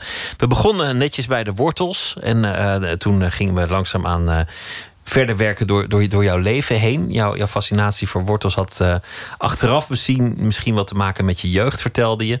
Je zei, ja, ik werk intuïtief, maar op een gegeven moment is het wel heel duidelijk voor mezelf van, god, dat, dat heeft daarmee te maken. De moeilijke verhouding met je moeder, die, die uh, voor zichzelf een schoonheidsideaal nastreefde en van perfectie hield. En dat ook projecteerde op de dochter die, uh, daar uiteindelijk zo door werd getergd dat hij eh, als vroege tiener een eetstoornis kreeg. Een eetstoornis waar de moeder niet mee om kon gaan. En uiteindelijk eindigt hij in een kliniek, of eindigde de stoornis in een kliniek. Jij wist te ontvluchten via de kunst. eerste fotografie tamelijk uh, morbide is het een tijdje geweest wat je maakte, maar ook heel erg gefascineerd door, door schoonheidsidealen en de keerzijde daarvan. En via de fotografie kwamen de, de planten en de wortels op je pad. En nu is het eigenlijk weer veel verder aan het evolueren en is het eigenlijk ontwerp en wetenschap geworden. En misschien ook wel een nieuwe mogelijkheid voor de toekomst van textiel en het maken daarvan en zelfs ondernemerschap alles is heel intuïtief gegaan. Achteraf zit er een enorme logica in die, mm -hmm. die op het moment zelf waarschijnlijk er nooit is geweest. Mm -hmm. in, in jouw werk. Hoe, hoe kijk je daar tegenaan? Is dat er nog, dat intuïtieve? Ja, dat is juist heel belangrijk. Um, ik, ik volg een fascinatie, een idee, een droom. Of uh, ja, en dan ga ik aan de slag. En dan pas begin ik te denken en te onderzoeken. Um, nee, dat bijvoorbeeld zo'n botanische test. Dan moet ik natuurlijk wel even een beetje onderzoek voor doen. Of ook dat hele wortel. Al die onderaardse processen en die gesprekken. Um, en op een gegeven moment moet ik ook uitkijken dat ik niet te veel weet. Uh, want dan sla ik ook weer dicht. Als ik te veel weet, heb ik het gevoel van... nou, slaat ook nergens meer op om dat nu nog naar buiten te brengen. Er moet altijd een beetje zo'n Er moet een mysterie zijn. Er moet een mysterie en iets... Uh, poëzie misschien ook blijven. Uh, iets onduidelijk. En dan pas werkt het voor me. Dus dan moet ik wel ophouden met het onderzoeken en aan de slag gaan. Echt gewoon werken. En, en, dan, uh, en dan functioneert het meestal wel. En soms ook niet, maar meestal. Want als je, als je het weet, als je iets onder de knie hebt, je, je begrijpt het, dan, dan, dan is het voor jou niet meer interessant, want dan doe je het gewoon. Dan is het gewoon alsof je een muur gaat schilderen, of ja. een omelet gaat bakken, of iets, iets wat je al honderd keer gedaan hebt. Ik denk dat ik het idee heb als ik te veel onderzoek doe en te veel mensen over spreek die, uit, die, uit die vakwereld, dat ik het gevoel heb, iedereen weet het toch al, waarom moet ik dan nog. Uh, hè, dat niet wetende geeft mij natuurlijk ook de kracht om het wel te doen. En anders, want ik doe het weer anders dan een wetenschapper. Ik kijk natuurlijk heel erg anders. Uh, dus uh, ook deze onderzoek, die dus bij Mediamatic nu begint, over het licht, is op zich natuurlijk ontzettend veel onderzoek naar licht al gedaan. Het is ook helemaal niet dat ik zeg, ik ben de eerste. Maar ik doe het toch wel net weer anders dan de anderen. Uh, en met heel veel, wat ik zei, 30 verschillende soorten. Ook soorten die door de wetenschappers al lang niet meer als interessant gezien worden. Uh, in de wetenschap zie ik dat ze heel vaak dezelfde planten gebruiken. Ze hebben van die planten die blijkbaar de perfecte eigenschappen hebben, die ze elke keer weer gebruiken voor hun onderzoek. Uh, maar ik gebruik ook de brandnetel en de madelief en hoop dus daardoor, en ook door de wildgroeiers die stiekem meegroeien uh, op de kassenbodem, uh, dat ik iets ontdek wat op zo'n manier. Ik, want, ik, wil toch wel graag weer iets ontdekken. Eigenlijk. Want Nederland is een land van telers en er worden, worden miljarden verdiend aan uh, nou ja, tomatenzaadjes en, en, mm. en, en, komkommerstengels en weet ik veel wat ze allemaal uh, voor moois fabriceren. Het is om, om daar als buitenstaander iets nieuws aan toe te voegen en echt, echt nieuwe wegen in te gaan. Dat, dat vergt nogal wat. En als dat begint met intuïtie, dan moet je die intuïtie wel heel serieus nemen. Ja, nou ja, in eerste instantie wil ik natuurlijk iets toevoegen. Uh, als beeldende kunstenaar en, en, en de toeschouwer gewoon. Uh, iets moois maken, iets, ja, iets dat fascineert. Gewoon, ja, dat is veel meer, veel belangrijker voor me, die interactie. Maar als, als ik ben natuurlijk nu een beetje getriggerd door dat werk met die wortels, dat ik per toeval ook iets ontdekt heb, inderdaad, en een kleine uitvinding heb gemaakt. Dan heb ik natuurlijk wel, zou ik dat graag wel nog een keer willen. Maar of dat nog een keer mij overkomt en dat ik nog een keer zoiets tegenkom, weet ik niet.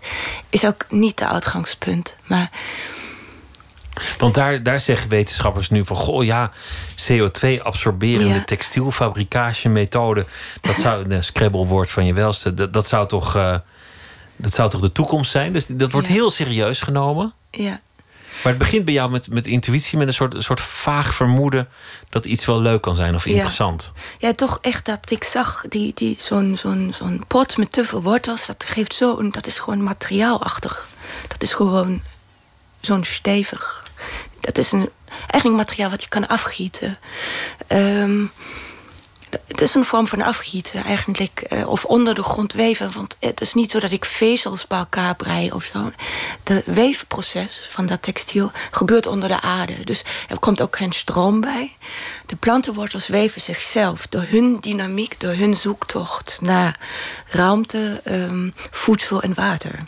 En dat is eigenlijk eh, wat anders is. En ondertussen is een mooie bijkomst is dat plantenwortels ook een opslagplaats voor CO2 zijn. Ehm, die combinatie is natuurlijk super interessant, eh, ook voor ehm, wetenschappers en andere designers. Ja, ik, eh, ik, ik word ook vaak benaderd door allerlei mensen. Maar ik, ik heb nog veel tijd nodig om dat echt waar te kunnen maken. Dat hier een, een echt, eh, echt stevig materiaal komt. Het is nu meer voor exposities nog. En Het is toch kwetsbaar. Ja, hoe, hoe, is dat in je leven? In, in de rest van je bestaan? Hoe intuïtief leef jij? Want, want in, in je werk is het eigenlijk vrij duidelijk dat je dat, je dat Mhm. doet op een soort, soort eh, niet gedefinieerd zintuig. Mhm. Maar, maar de, de keuzes die je in je bestaan hebt gemaakt. Eerst naar Londen gaan, naar Nederland gaan, Mhm. van de fotografie weggaan en andere dingen gaan doen. Eh, Jongmoeder worden bijvoorbeeld. Mhm. ja, ik denk dat dat... leef, je, wel- leef je ook verder zo? Nou, ik heb best wel wat controle over mijn leven. Maar ehm, ik, ik leef wel... ehm, ja, ik denk dat intuïtieve zit wel in mijn persoonlijkheid. Zeker. Maar intuïtief is niet tegengesteld aan controle, nee, lijkt me. dat, dat ook. Maar het, het, het, het, het- het- ik denk wel na ook over de dingen, maar ik merk ook, ik laat dingen wel graag gebeuren. Daar geloof ik wel in. Ehm, dat de dingen ook moeten gebeuren of mij moeten overkomen. Maar hier en daar probeer, manipuleer ik het wel. Of ik denk wel over de dingen na. Ik, ik ga niet eh, dier- helemaal hoofdloos. eh, wat natuurlijk ook niet hoeft. Ik denk dat waarschijnlijk heb ik een sterke intuïtie, maar dat is ook af en toe misgegaan. Er zijn ook onderweg projecten mislukt of eh Zeker. Ben, eh, geweest waar wij, waar wij niks van weten, maar die dramatisch slecht afliepen. Nou ja, ik vertel niet alles vanavond, eh, vannacht. Maar ehm, er zijn zeker een paar werken die ik liever niet meer... die ik ook... Ik heb ook bijna alles van mijn website gehaald. Dat, eh, ook, eh, ik heb eigenlijk alleen maar nog dat plantenwerk op mijn website. Ehm, en daar zijn wel echt ook werken waar ik me voor schaam. Dat, eh, waar mijn intuïtie mij in de steek liet. Of in persoonlijke opzicht is het natuurlijk ook soms... dus dat werkt niet altijd. Nee, soms ook, soms ook kleerscheuren. Al met al moet, je toch zeggen dat, dat je, hebt, je hebt in alle hoeken van de wereld exposities gehad. Veel aandacht. En, en met, met, die, met die wortels heb je, heb je ook echt wel eh, eh, meer dan alleen maar artistieke aandacht ge- gekregen. Dat, het een, dat het een heel succesvolle carrière is, ge- is geworden uiteindelijk. Hoe, hoe heeft dit jouzelf veranderd? Als, als goedkeuring altijd je grote thema en worsteling is geweest dat je het eindelijk krijgt. Hoe verandert je dat? Ehm, dat is nog vrij jong trouwens, dat ik zoveel aandacht krijg. Ik heb wel aandacht gehad, maar dat ik echt veel aandacht krijg... is eigenlijk pas een half jaar of acht maanden. Heel kort. Oh ja? Ja, Terwijl nou ja. iets in 2012 toch ook al aardig Oh was? ja, nee, dat is waar. De- de- maar dat is allemaal nog... Het is toen ik dat werk met die plantenwortels op de Dutch Design Week heb laten zien... daarna begon opeens echt heel veel aandacht. Maar dat eerder ook. Ehm, ja, ik geniet er ontzettend van. Van die aandacht. En ik denk dat ik daar nog best goed tot nu toe mee kan omgaan. Eh, dat moeten mensen om me heen misschien beoordelen. Misschien ben ik al aan het veranderen. Maar ik, eh, ik kan er echt ontzettend van genieten. Ja. Ehm, zeker. Ik voel me omarmd. Het is heerlijk. Om omarmd te worden. Ja. ja. Nou, je, je hebt het ook verdiend. Je hebt het, eh, je hebt het eh, waargemaakt. Ja. Maar ik hoop niet dat het mij verandert. Dat eh, ik misschien wat meer zelfvertrouwen, mijn ego wordt wat groter, dat denk ik wel. Dat is onvermijdelijk, denk ik. Maar verder hoop ik dezelfde te zijn. Te zien uh, bij uh, Mediamatic in Amsterdam vanaf komend weekeinde. Nog in Tilburg in het Textielmuseum. In het uh, Nederlands Fotomuseum in Rotterdam is werk te zien. En dan ook nog op het festival Into the Great Wide Open begin september op Vlieland. En dan in het dorp Oost-Vlieland heet het dorp daar. Diana Scherer, dank je wel. Het was, was leuk om je hier te gast te hebben. Dank heel je wel. veel succes en ik hoop dat er veel wilde uitvindingen ook op je pad zullen komen. Dank je wel. Ja, dank je wel. Zometeen gaan we verder met uh, Nooit meer slapen. Gaan we het hebben over sportwagens. Vanwege een tentoonstelling in Museum Lauwman. En we gaan het hebben over krimp in plaats van groei. Waarom zou dat niet een mooi ideaal kunnen zijn? Arne Hendricks is een project daarover begonnen. Hij is kunstenaar en radicaal ecoloog. En dan heeft Monier Samuel ook nog een verhaal geschreven bij de dag die achter ons ligt. Twitter, VPRO NMS. En we zitten ook op Facebook. En u kunt zich abonneren op de podcast. Dat doet u via iTunes of via de website van de VPRO. VPRO.nl. Schuine streep nooit meer slapen.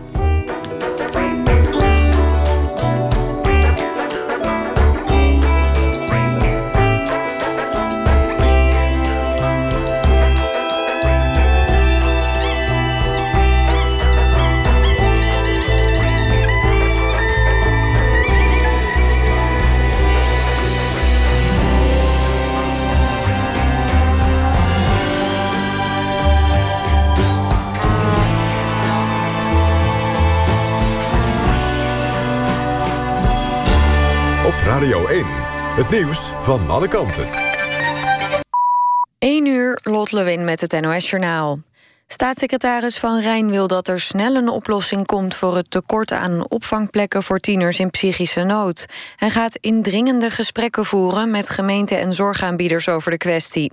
Van Rijn zei dat tijdens een spoeddebat in de Tweede Kamer. Aanleiding voor het debat is een oproep van de ouders... van een suïcidaal meisje uit Rijen... die geen opvangplek voor haar konden vinden. De staatssecretaris wil dat gemeenten meer opvangplekken regelen... en dat ook zorgaanbieders actief op zoek gaan naar oplossingen... desnoods in een andere regio. In het onderzoek naar de mislukte aanslag gisteren in Brussel... zijn vier verdachten opgepakt. Dat heeft het Belgische federaal parket bevestigd. De verdachten werden opgepakt bij huiszoekingen in Brusselse deelgemeenten.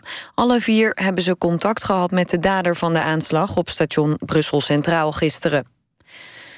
In Irak is de moskee vernietigd waar drie jaar geleden het kalifaat van terreurgroep Islamitische Staat werd uitgeroepen. Het gaat om de Al-Nouri-moskee in Mosul. Volgens het Iraakse leger heeft IS de moskee zelf opgeblazen, maar het persbureau van IS zegt dat de moskee is gebombardeerd door Amerikaanse gevechtsvliegtuigen. Het Iraakse leger is met steun van de Amerikanen een offensief begonnen om de binnenstad van Mosul in te nemen. De VS ontkent dat de coalitie in de buurt van de moskee heeft gebombardeerd. In de Spaanse badplaats Fuengirola zijn drie Nederlanders opgepakt... op verdenking van afpersing van een landgenoot. Dat melden Spaanse media. De verdachten zijn tussen de 46 en 55 jaar oud... en een van hen zou een voormalig politiemedewerker zijn. Het slachtoffer was eigenaar van een bedrijf dat levensverzekeringen verkocht. De drie zouden 700.000 euro van hem hebben geëist... en hem hebben bedreigd. Het weer. Vannacht is het zwoel met 16 tot 21 graden. Overdag veel zon en 25 tot 35 graden. Later meer wind en enkele buien. Dit was het NOS Journaal. NPO Radio 1. VPRO. Nooit meer slapen.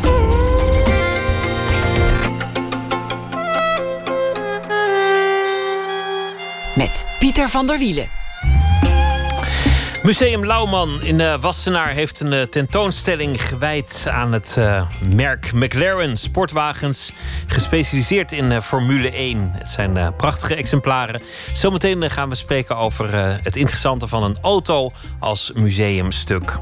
Groter is niet altijd beter, vindt kunstenaar Arne Hendricks. Hij heeft een nieuw project in Utrecht. En dat gaat over krimp versus groei. Monier Samuel heeft een verhaal gemaakt bij de voorbije dag. Maar nu het culturele nieuws.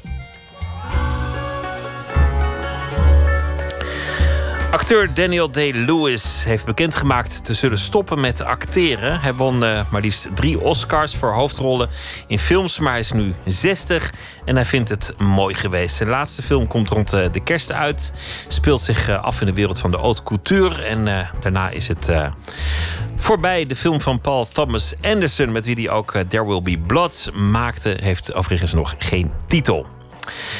Prodigy is gisteren overleden. De Amerikaanse rapper op 42-jarige leeftijd was dat. Zijn werkelijke naam was Albert Johnson. Maar onder de naam Prodigy werd hij bekend als helft van het New Yorkse rapduo Mob Deep. Hij werd onwel na een optreden en is later overleden. Vanaf november is de boekenbon niet meer tien jaar lang geldig, maar nog maar drie jaar. Dat heeft de organisatie uh, afgekondigd. De geldigheid hebben ze moeten verkorten in verband met Europese regelgeving. Boekenbonnen die voor november worden verkocht zijn nog wel tien jaar lang geldig. En daarna mag nog maar drie jaar worden getwijfeld over welk boek te zullen kopen. De Rotterdamse wijk uh, Krooswijk heeft uh, vandaag de primeur. Een graffiti-wand die is ingewijd. Dat het meteen de eerste locatie was van de app Wallspot. Daarmee kunnen mensen muren reserveren om die te beschilderen. Het is eigenlijk een manier om de graffiti-kunstenaar en de muur bij elkaar te brengen. Aan de telefoon uh, de graffiti-kunstenaar Niels Schuul Mulman vanuit New York. Goeienacht. Ja, goeie, goedemiddag hier. Ja, een uh, Wallspot-locatie, een app. Dan kun je een muur reserveren om die te beschilderen. Dat ging in jouw uh, graffiti-jaren vroeger wel anders. Als je een muur uh, ging beschilderen. Ja, dat, dat, klopt inderdaad. Ja, dat is in de jaren tachtig was dat heel anders. Toen geen internet, geen... geen we kenden elkaar eigenlijk bijna niet eens.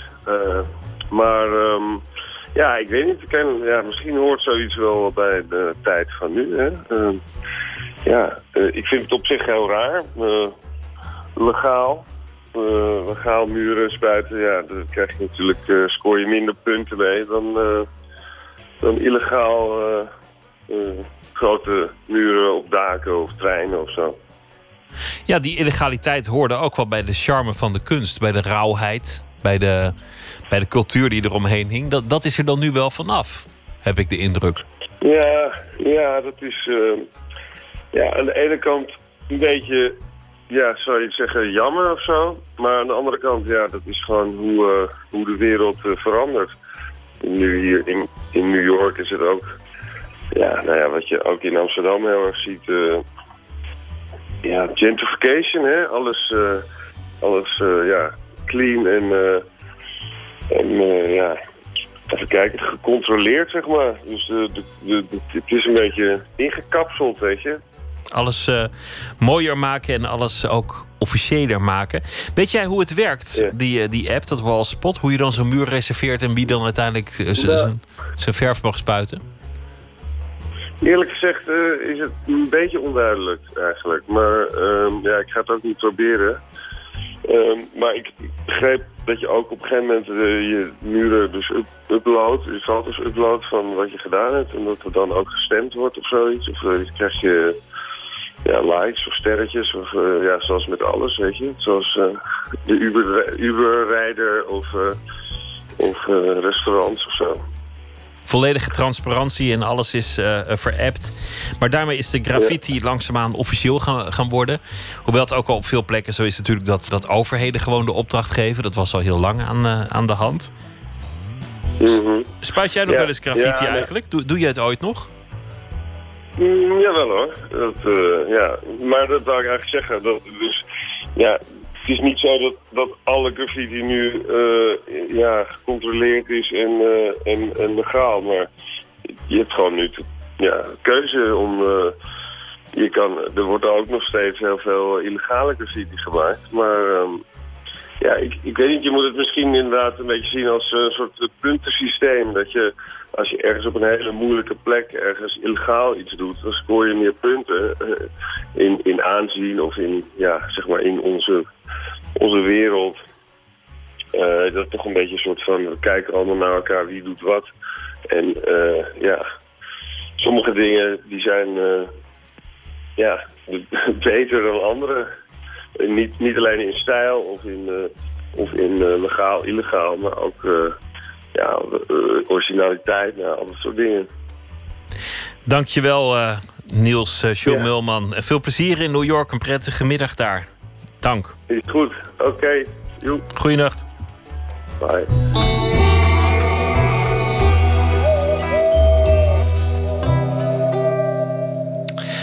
Nana Adjoa met het nummer The Resolution.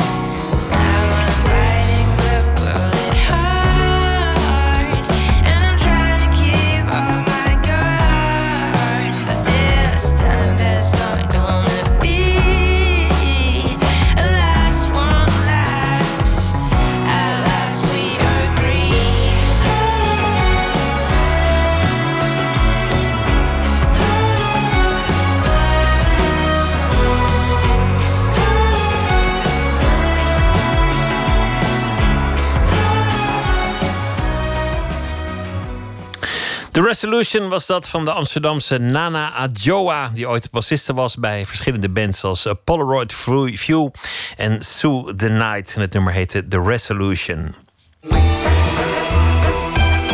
Nooit meer slapen. Deze zomer te zien in het Lauwman Museum in Den Haag. Een tentoonstelling over de wagens van het Britse McLaren. Een autofabrikant die auto's maakt voor uh, de race en de autosport. En er heeft ook uh, de legendarische Formule 1-rijder uh, Lewis Hamilton bijvoorbeeld in gereden. Sportwagens in het museum. Het lijkt ver verwijderd van de kunstwereld. Of misschien toch niet. Verslaggever Botte Jellema dook erin. Ik maak een enorme faux pas bij importeur Lauman Exclusive, waar ik naartoe ben gegaan om meer te weten te komen over de McLaren. Deze golvende showroom met chique auto's ken ik tot nu toe alleen van buiten. Je ziet het gebouw in de geluidswal van de A2 bij Utrecht. Ik wil graag het geluid opnemen van een McLaren om te gebruiken in deze reportage. Dat is niet de bedoeling, zo legt directeur Arjen van Beek mij uit. Want auto's die hier staan zijn koud. Nee, dat geluid moet ik even van internet halen. Dan hoor je de warme auto's. Dus bij deze.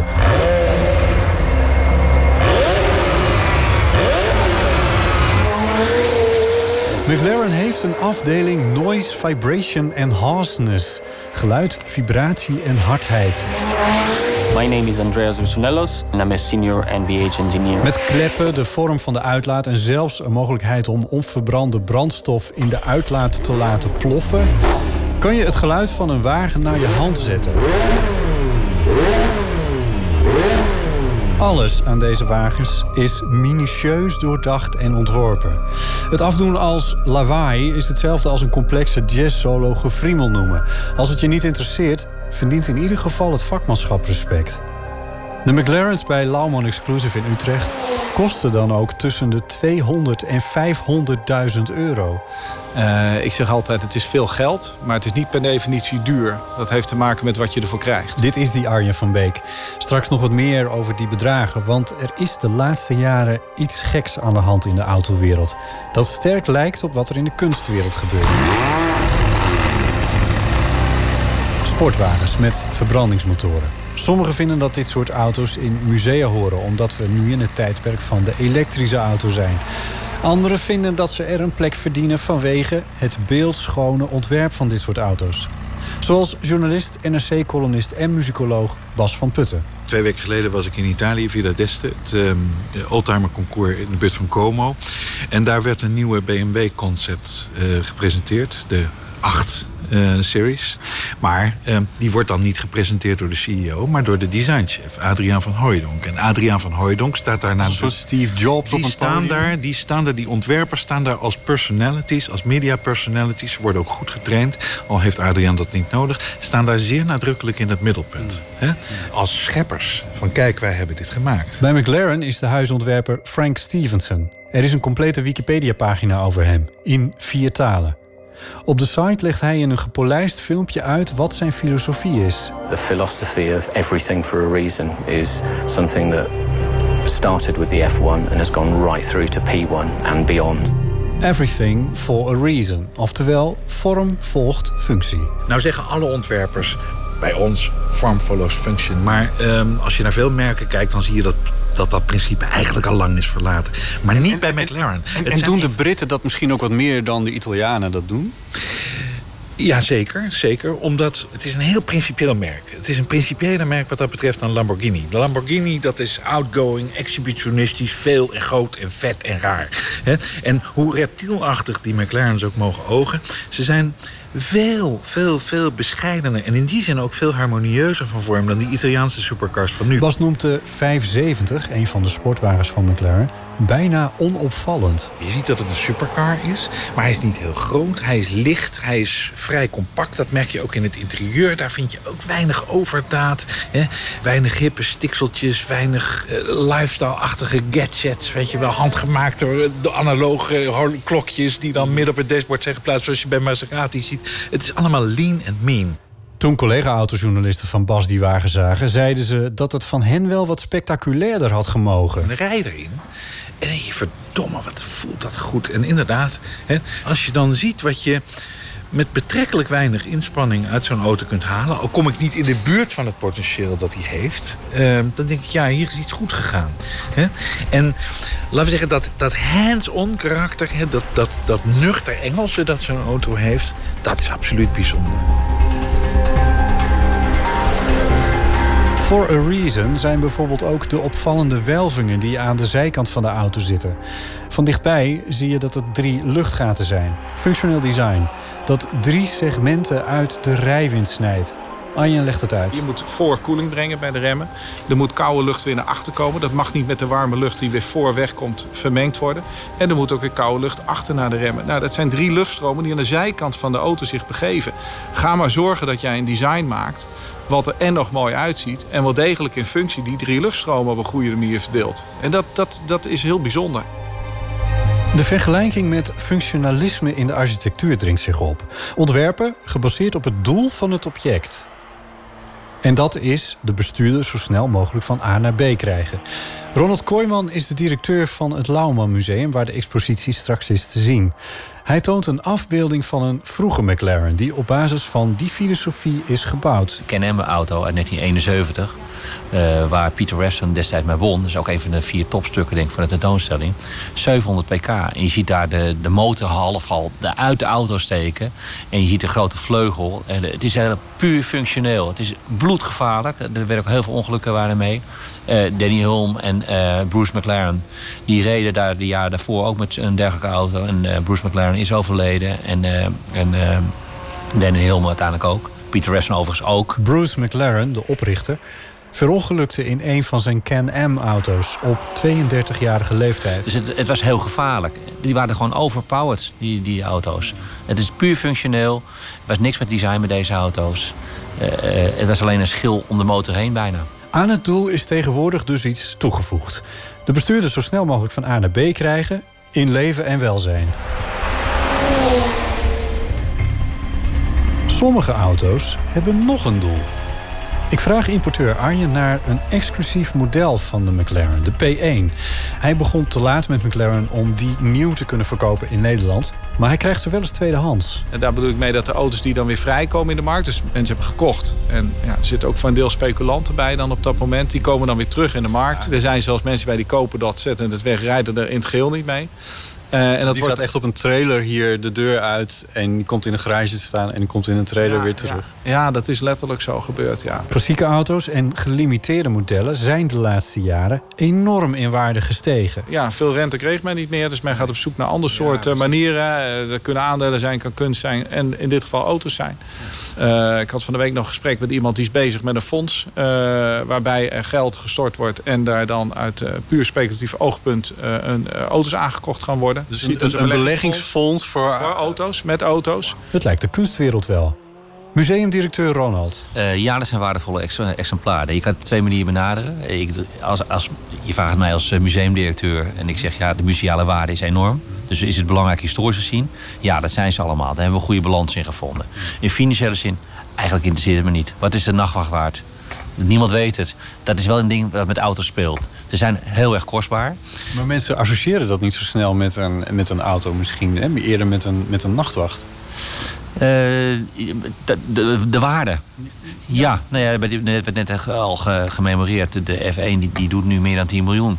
Nogmaals, voor mij is het niet zo belangrijk, die financiële waarde. Ik wil die auto's laten zien die belangrijk zijn en een uitgebalanceerd programma. En dat hebben we met deze tentoonstelling straks in Den Haag. Bas, is er een vergelijking te trekken tussen de kunstwereld en die wereld van die klassieke auto's waar zo in gespeculeerd wordt op dit moment? Ja, ja het is uh, soms van een Damien Hirst-achtige gekte. Um, Damien Hirst, Britse kunstenaar die een aantal jaren ontstellend rijk is geworden met doorgezaagde haaien en uh, aanverwanten. Maar dat betekent dus ook dat een liefhebber zoals jij dat bent uh, ook steeds meer aangewezen zal zijn op de musea. Nou ja, een geliefd gespreksonderwerp onder autoliefhebbers. Auto's die je ooit had moeten kopen of nooit had moeten verkopen. En ik geef altijd het voorbeeld, ik ben Mercedes-liefhebber van de Mercedes Pagode. En liefhebbersauto. Die rond 2001, 2002 kocht je die voor 30, 35.000 euro. Kocht je ook in Nederland een goed exemplaar. Nou, daar, gooi daar nu maar een kleine ton op voor dat goede exemplaar. Bas rijdt een Mercedes van begin jaren 90... die, zo zegt hij, nu nog niemand ziet staan. En ik reed van Villa d'Este na al die uh, Sotheby's-veilingen... en, en poenobjecten op dat grasveld voor Grand Hotel Villa d'Este... reed ik met mijn SL reed ik naar huis. En ik dacht, ja, jij reed beter dan al die miljoenen pronkstukken die ik uh, hier net uh, van de hand heb zien gaan. Uh, ik durf je nog ergens neer te zetten bij een raststetten. Ik heb geen gedoe met verzekeringen en ik ben niet panisch om die auto in een Amsterdamse parkeergarage te zetten. Daar zijn auto's voor. Dus ik was eigenlijk gelukkig, ja. Functie over vorm. Zo is het. Wanneer we klaar zijn, wil Arjen van Beek zijn laatste aanwinst laten zien, beneden in de garage. Een 720S. Naast deze auto staat een auto van een klant van Lauman Exclusive. Een McLaren met een afbeelding van de nachtwacht op de deuren en de motorkap. Er zijn meer die vinden dat dit soort auto's in musea thuis horen.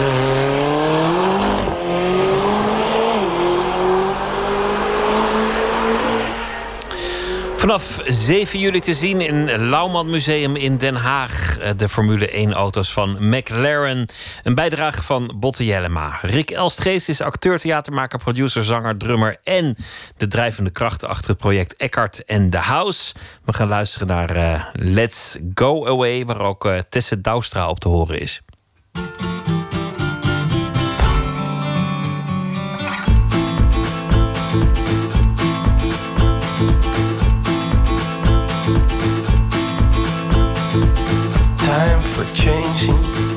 To define, to rearrange it. What's yours and what's mine?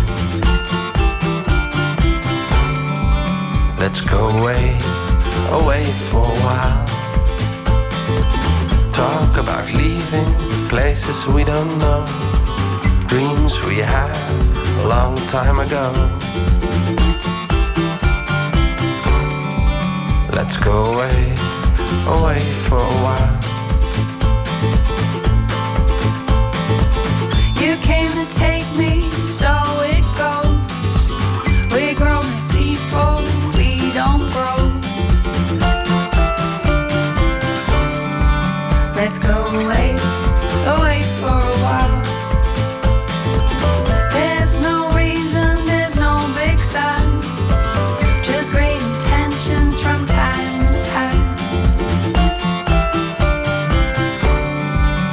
Let's go away, away for a while.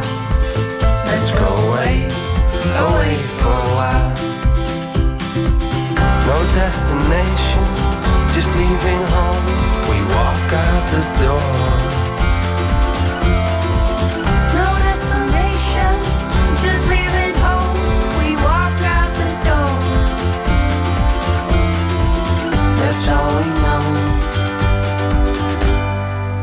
Talk about houses, clouds in the dark.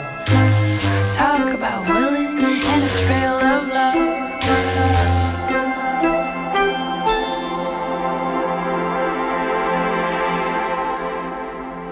Let's go away, away for a while.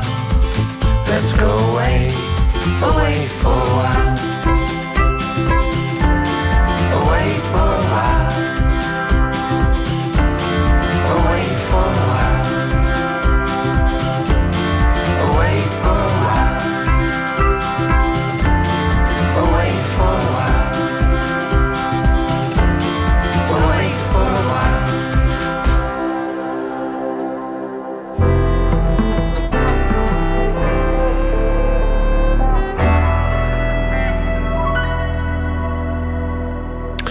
Rubriek heet Open Kaart, een bak met kaarten. 150 vragen over werk en leven. Te gast is kunstenaar Arne Hendricks.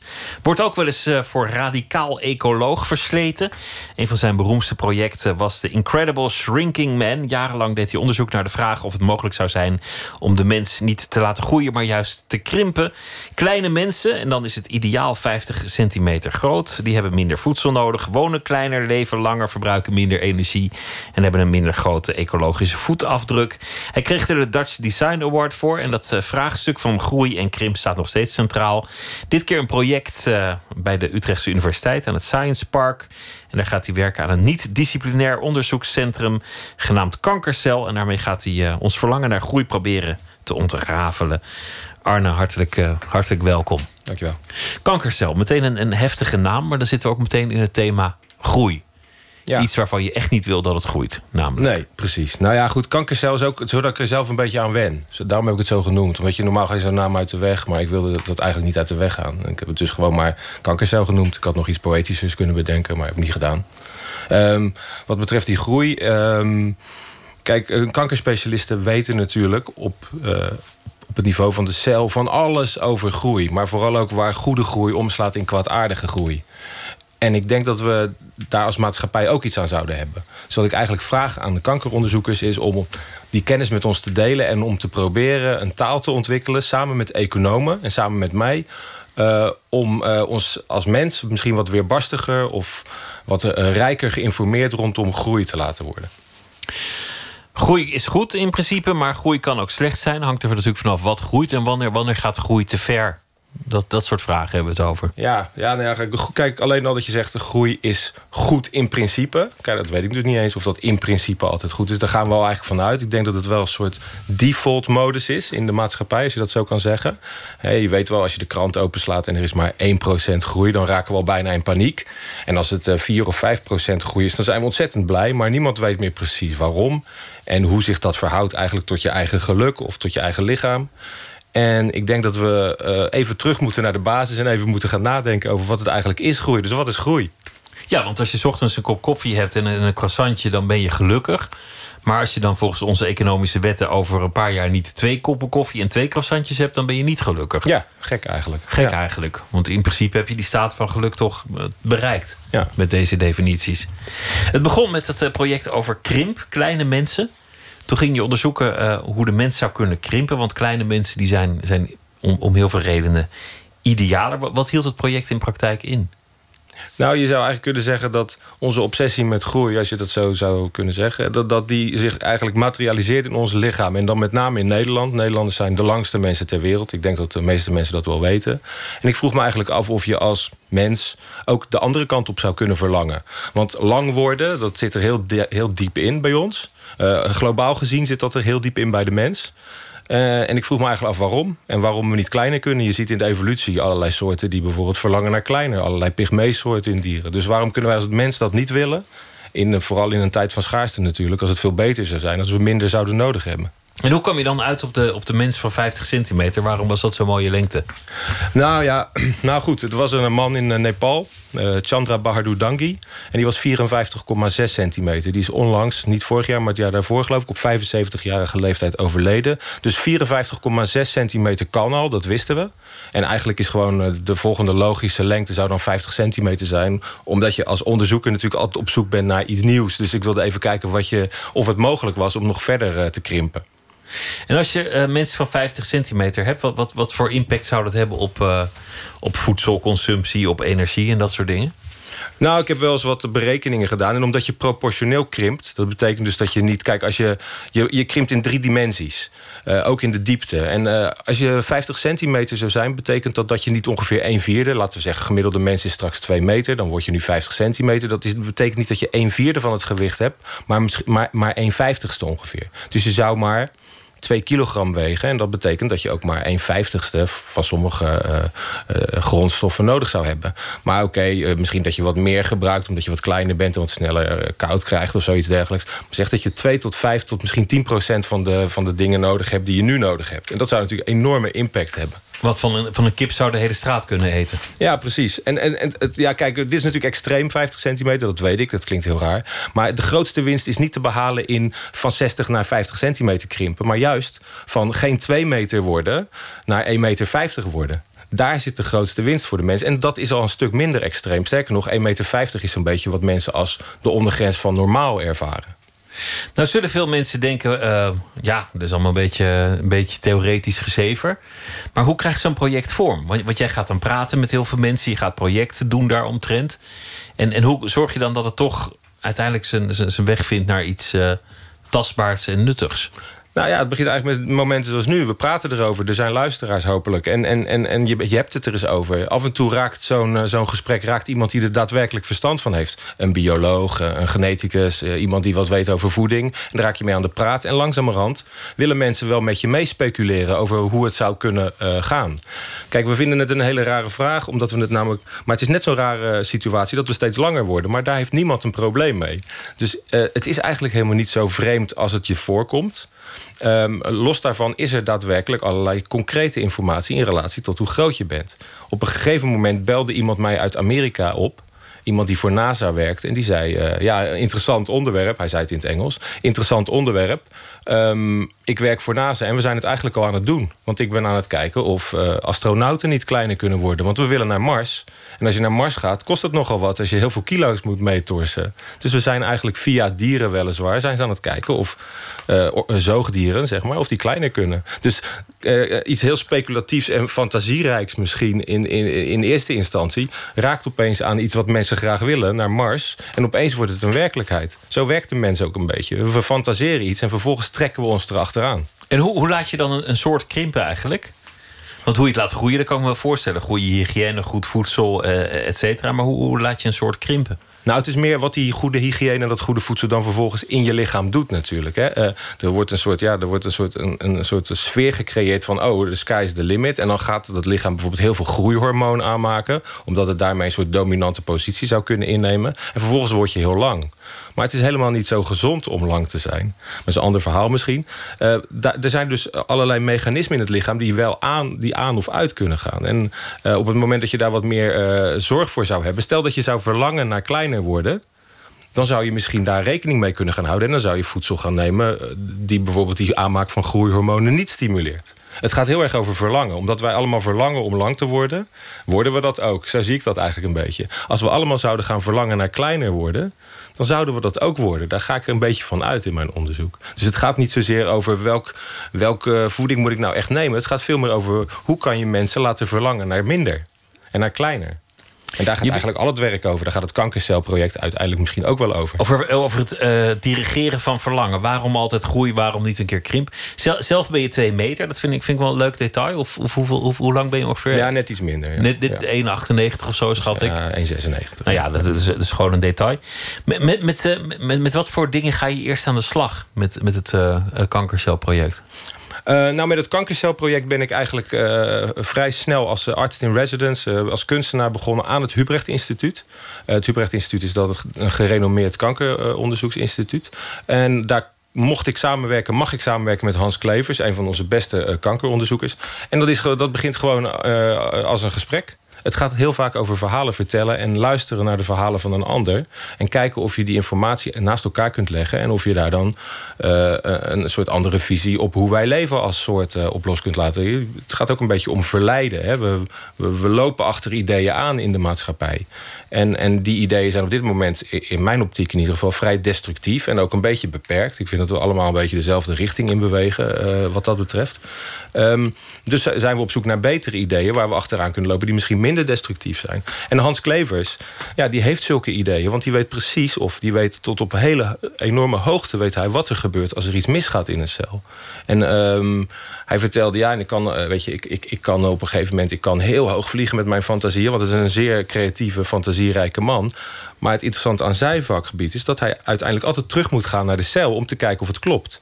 Want kankeronderzoek is exacte wetenschap. Daar kun je niet als kunstenaar maar wat fantaseren. Ehm, tenminste, je kunt wel maar wat fantaseren, maar uiteindelijk heb je eh, rekenschap af te leggen aan de cel en aan je collega's. En dat beperkt in zekere zin ook eh, zijn, eh, zijn werk. Tegelijkertijd heeft hij keiharde informatie. Ehm, als ik dan met een econoom praat, dan beginnen we al gelijk over het stimuleren van groei. Dan denk ik van ja, maar waar baseer je dan op dat, dat de groei continu gestimuleerd moet worden? Waar komt dat idee eigenlijk vandaan? En dan kom je erachter dat zij eigenlijk geen cel hebben, maar dat het gewoon een, een antropocentrisch idee is. Ehm, en dat we bedacht hebben dat we continue groei moeten hebben. Er zijn echt wel samenlevingen in de geschiedenis van de mens waar dat helemaal niet aan de orde was. Dat zijn we vergeten. En op, op dit moment eh, denken we allemaal dat dat nou eenmaal zo is. En dat dat nou eenmaal zo moet gaan. Maar het is ook maar een verhaal. Leuk om, eh, leuk om daar eens eh, eh, mee te gaan, eh, gaan spelen, dingen om te, om te draaien. Laten we beginnen met die, met die kaarten. Hier zijn ze. En ik wil je vragen om eh, een, een vraag te pakken. Geef ik hem aan jou? Oh. Ja. Moet ik hem voorlezen? Ja. Wanneer is je werk gelukt? Ehm, nou, wel een toepasselijke vraag in dit geval. Ja, het is een hele leuke vraag. Ehm, het grappige is eigenlijk dat ik eigenlijk juist heel veel ruimte geef aan de mislukking in mijn werk. Omdat ik niet zo heel erg geïnteresseerd ben in degene zijn die het weet. Ik ben meer geïnteresseerd in een ruimte creëren waar degene die het weet binnen kan komen en het aan mij dan kan vertellen. Dus op het moment dat mijn werk eh, als een uitnodiging aan anderen functioneert, dan denk ik dat het eh, is gelukt. Nou, mooi antwoord. Neem, neem nog zo'n eh, kaart. Hoe zou je het liefst sterven? Zo. God, ja. Ik heb daar niet zo hele eh, grote fantasieën over eigenlijk. Rustig. eh, omringd door eh, geliefden. Nog eventjes dag zeggen. Maar, maar wel met een... Ik, ik, ik, ik heb altijd grote bewondering... of eigenlijk word ik heel blij van mensen die sterven... en die zeggen van, nou weet je, het was wel mooi zo. Ik heb, het, ik heb gedaan wat ik wilde doen. Ehm, en ik ben wel klaar om te gaan. Ik ben wel weer geïnteresseerd in het moleculaire niveau, zeg maar. Dus ja, eh, dat denk ik. Ja, met dat gevoel vooral. Laten we nog geen doen. Wanneer heb je voor het laatst hard gelachen? hard, hard, hard gelachen. Nou, ik heb, ik heb vanmiddag bijvoorbeeld nog wel heel erg om mezelf gelachen. Hoe hard, weet ik niet. Maakt ook niet uit natuurlijk. Ehm, ik, ik, eh, bij dat kankercelproject ben ik dan heel erg bezig met, ehm, met asfalt. Vind ik een interessant materiaal. Het is een beetje een soort van een metafoor voor hoe we met de economie eh, bezig zijn, et cetera. Wegen aanleggen, dat soort dingen. Ehm, en ik ben de hele dag bezig geweest met een stoel eh, maken van asfalt. Eh, en uh, ontzettend moeizaam. Uh, totdat er op een gegeven moment een wat oudere heer voorbij kwam wandelen. En die zette zijn fiets op en die zat zo naar mij te kijken. Die begon even met zijn hoofd te schudden. Zo. En die zei, maar je weet toch, je weet toch dat, dat asfalt horizontaal wil zijn, niet verticaal. Want ik probeer natuurlijk altijd die, die randjes omhoog te krijgen met asfalt. En dat zakte dan weer in elkaar. Heel logisch ook.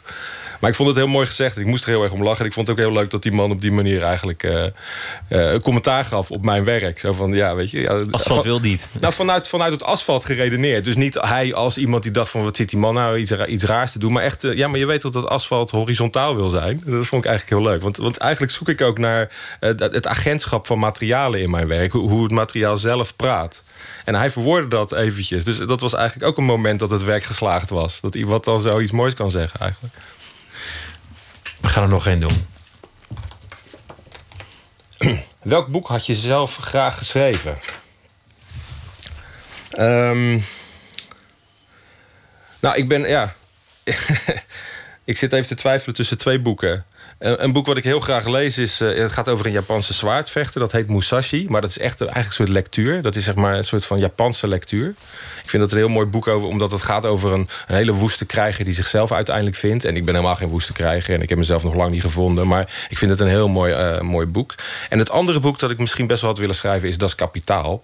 Of The Origin of Species. Van zo'n, zo, weet je wel, dat is natuurlijk wel echt van dat fundamentele werk wel mooi. Van, van die boeken die een ideeënkader aanbieden... dat, dat vanaf dat moment eeuwig blijft bestaan. Gewoon een, een manier van kijken, een model voor de werkelijkheid.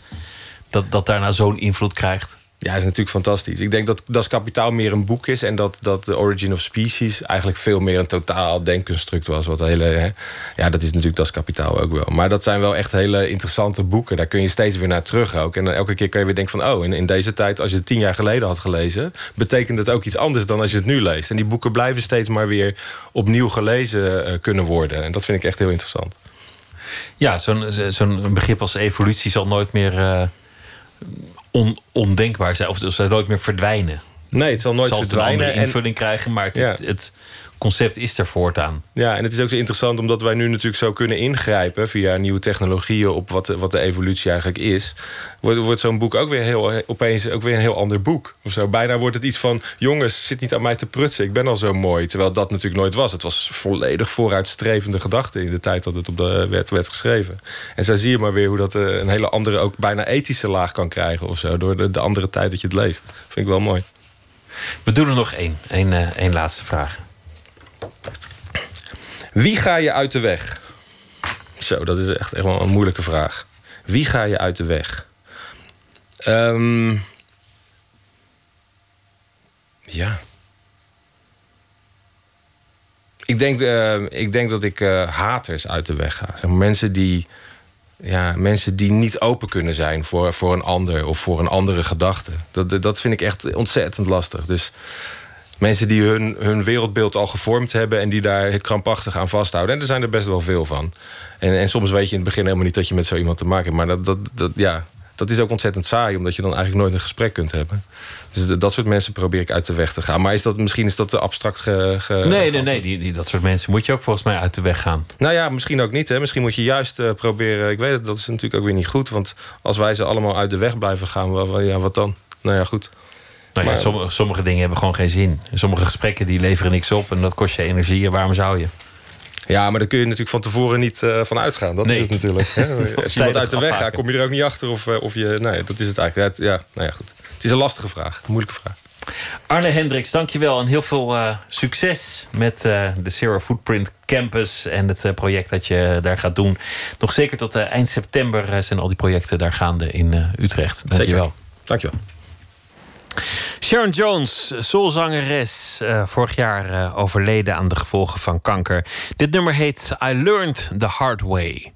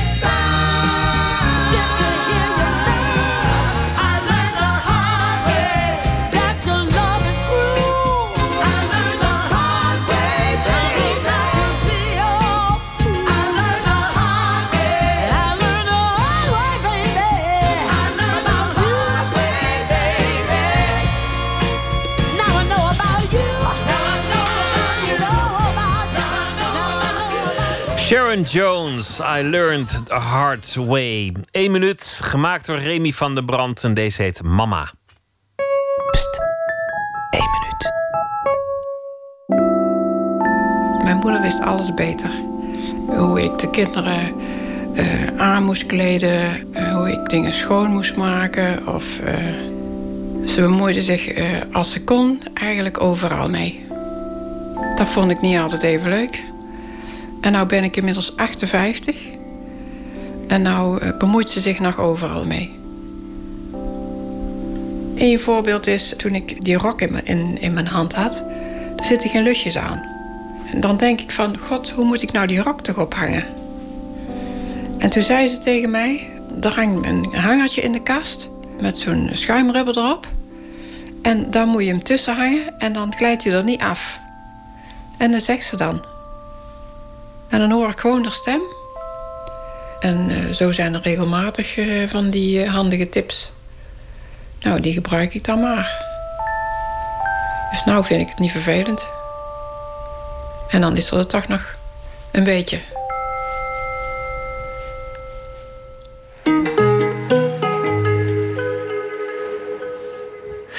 Monier Samuel is deze week onze vaste schrijver. Hij is eh, politicoloog, opiniemaker, publicist, auteur van Egyptisch-Nederlandse afkomst.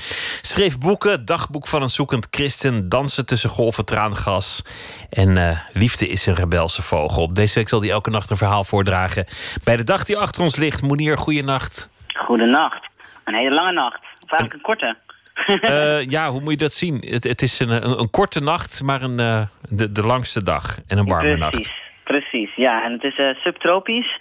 Eh, dus daar gaat mijn tekst ook over. Ik bedoel, wij houden van, als Nederlanders van het, weer. We praten altijd over het weer. Meestal zijn we niet tevreden. Ik hoorde vandaag de mensen ook weer klagen. Eh, en ik dacht, nou, er zijn weer voldoende records gebroken... om daar toch echt het nieuws van te maken. Ja, het was ook echt nieuws, want de scholen die kregen vrij. Niet alle scholen, maar sommige. En bedrijven die hadden ineens een soort hitteregeling. Ja, dat Het is- komt denk ik ook wel voor mensen goed uit. Ja, Om maar heerlijk, het is eh, toch, te zitten. Ja. Jij komt uit Egypte. Ik bedoel, dit, dit land, het is toch potsierlijk. Wel boven de 18 graden ligt de boel meteen op zijn reet.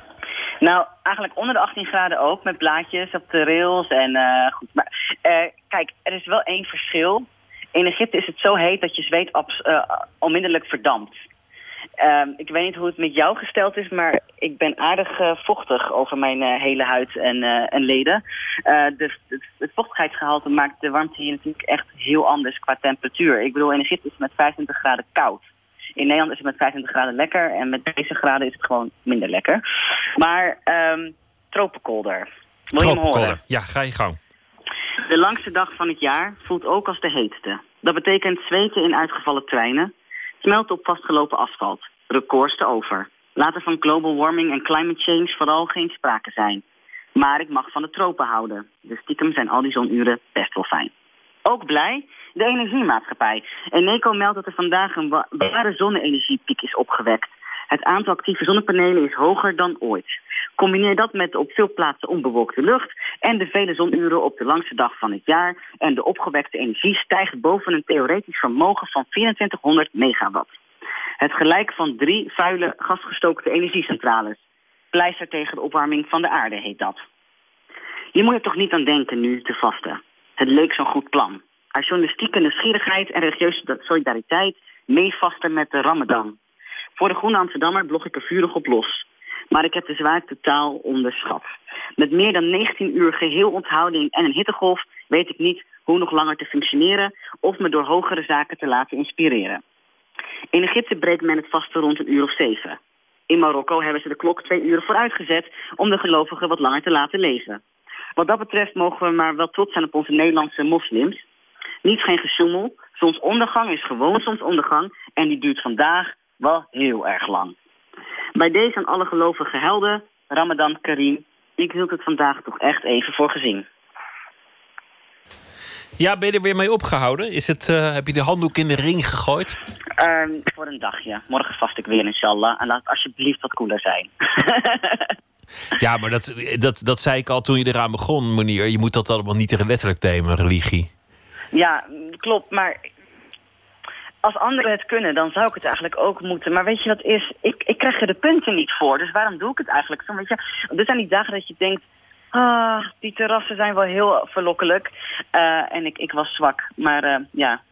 Maar dat komt inderdaad omdat je niet echt in de beloning gelooft. Omdat dat hiernamaals toch niet voor jou is. Dus dan, dan ja, waarom, waarom zou je het dan nog doen? Oh, ik geloof zeker in het paradijs. Alleen de mijne ziet er iets anders uit, denk ik. eh, dan zoals beschreven in de wel edele Koran. En hoe dan ook hoef ik er niet voor te vasten. Dat is, dan, dat is wel echt de goede boodschap van het evangelie, zullen we maar zeggen. Eh, mijn redding eh, is niet berust op het aantal druppels water dat ik laat. Maar, Maar- ik, ik denk nog steeds dat, dat, dat heel veel mensen met dat soort dingen sjoemelen. En dat, Dat, dat is zeker waar. Dat is, dat is zeker God waar. ziet alles, maar kijkt niet altijd. Nou ja, ik denk, eh, God is gelukkig genadig genoeg om te weten dat zijn, eh, zijn, eh, zijn kinderen vaak kleine stoute dingen doen. En dan, en dan schuldbewust omhoog kijken en een extra doa of smeekbeden op loslaten. Ja. Nou, zo zijn we terug bij de basis van elke religie. Een klein beetje hypocrisie helpt. Monier, Ja, dank je wel. en morgen weer lekker vasten. En Yes. voor, voor het project. Dat is ook een mooi doel. En voor nu een hele goede nacht. Yes, fijne nacht. Doei doei. De Britse zanger Luke Sital Singh heeft een eh, nieuw album. Time is a Riddle. En dit nummer heet Until the Night is Done.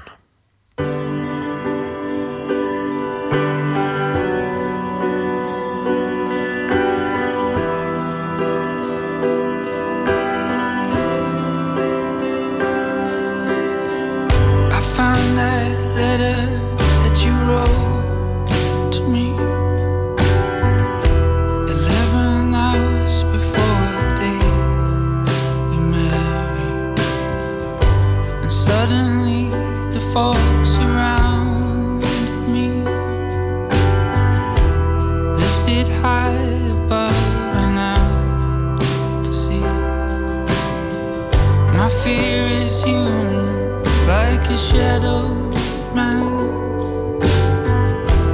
And he's standing in my. Oh,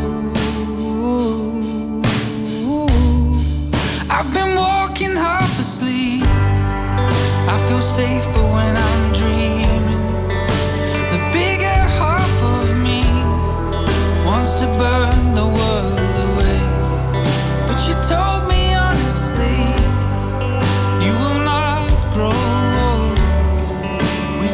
with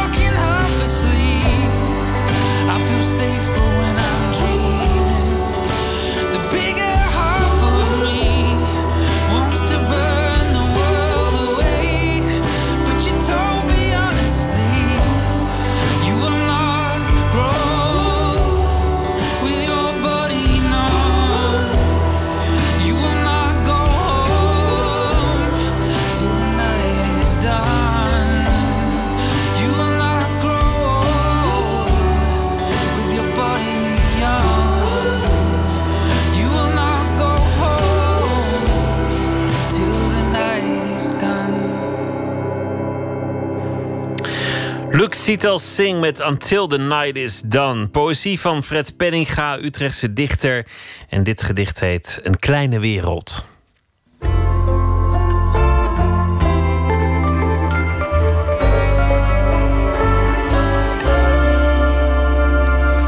Een kleine wereld. Nu ik met mijn rug tegen je aan lig, ruisen jouw lippen adem door mijn haar. Is het alsof ik het stromen van jouw bloed kan volgen? Voel ik het regelmatig kloppen van je hart? Kan ik bijna denken wat jij denkt? En in mijn hoofd richt ik ons een kleine wereld in. Lommerrijke paden, luidruchtige cascades, een pleisterplaats, een plein met palmen, een fontein voor lome handen en jonge mannen in de schaduw van arcaden. We varen op een binnenzee van rimpelende lakens, langs bergen zonder naam, nog onbekende steden. Ik zoek een aanlegstijger. Met mijn ogen dicht volg ik de flauw gebogen lijnen van jouw kust. En wacht geduldig op de vloed die uit dit golven komen moet. Ik vind het een prachtig gedicht. En ik vind het ook wel elementen in zich hebben van onderwerpen, thema's, dingen waar ik het uh, over wil hebben. Intermenselijke contacten, het verlangen naar prachtige momenten, allemaal dat soort gedoe veelal. Um, ik heb het gedicht een aantal keren achter elkaar ingestuurd naar de uh, gedichtenwedstrijd van Turing. Omdat ik dacht, dit gaat niet bepaald meteen winnen, maar het komt toch zeker um, in de jaarlijkse uh, bundel. Dat, dat is een belangrijke wedstrijd, die Turing-wedstrijd. En uh, op de een of andere manier is dat hele gedicht uh, geen enkele jury of beoordelaar of kijker opgevallen. En toen dacht ik, nou oké, dan maar niet meer. En het is nu opgenomen in mijn laatst verschenen bundel van afgelopen voorjaar, 2015. Getiteld Als anders ook hetzelfde is. Een kleine wereld. Nu ik met mijn rug tegen je aan lig, ruisen jouw lippen adem door mijn haar. Is het alsof ik het stromen van jouw bloed kan volgen? Voel ik het regelmatig kloppen van je hart? Kan ik bijna denken wat jij denkt? En in mijn hoofd richt ik ons een kleine wereld in. Lommerrijke paden, luidruchtige cascades, een pleisterplaats, een plein met palmen, een fontein voor lome handen en jonge mannen in de schaduw van arcaden. We varen op een binnenzee van rimpelende lakens, langs bergen zonder naam, nog onbekende steden. Ik zoek een aanlegstijger, met mijn ogen dicht volg ik de flauw gebogen lijnen van jouw kust. En wacht geduldig op de vloed die uit dit golven komen moet.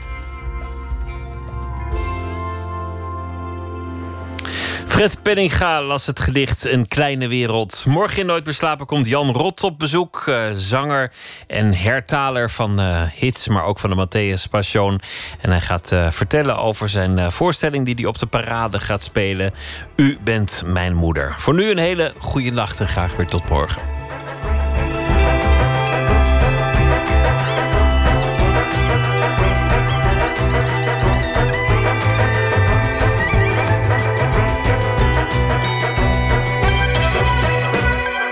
Radio 1, het nieuws van alle kanten.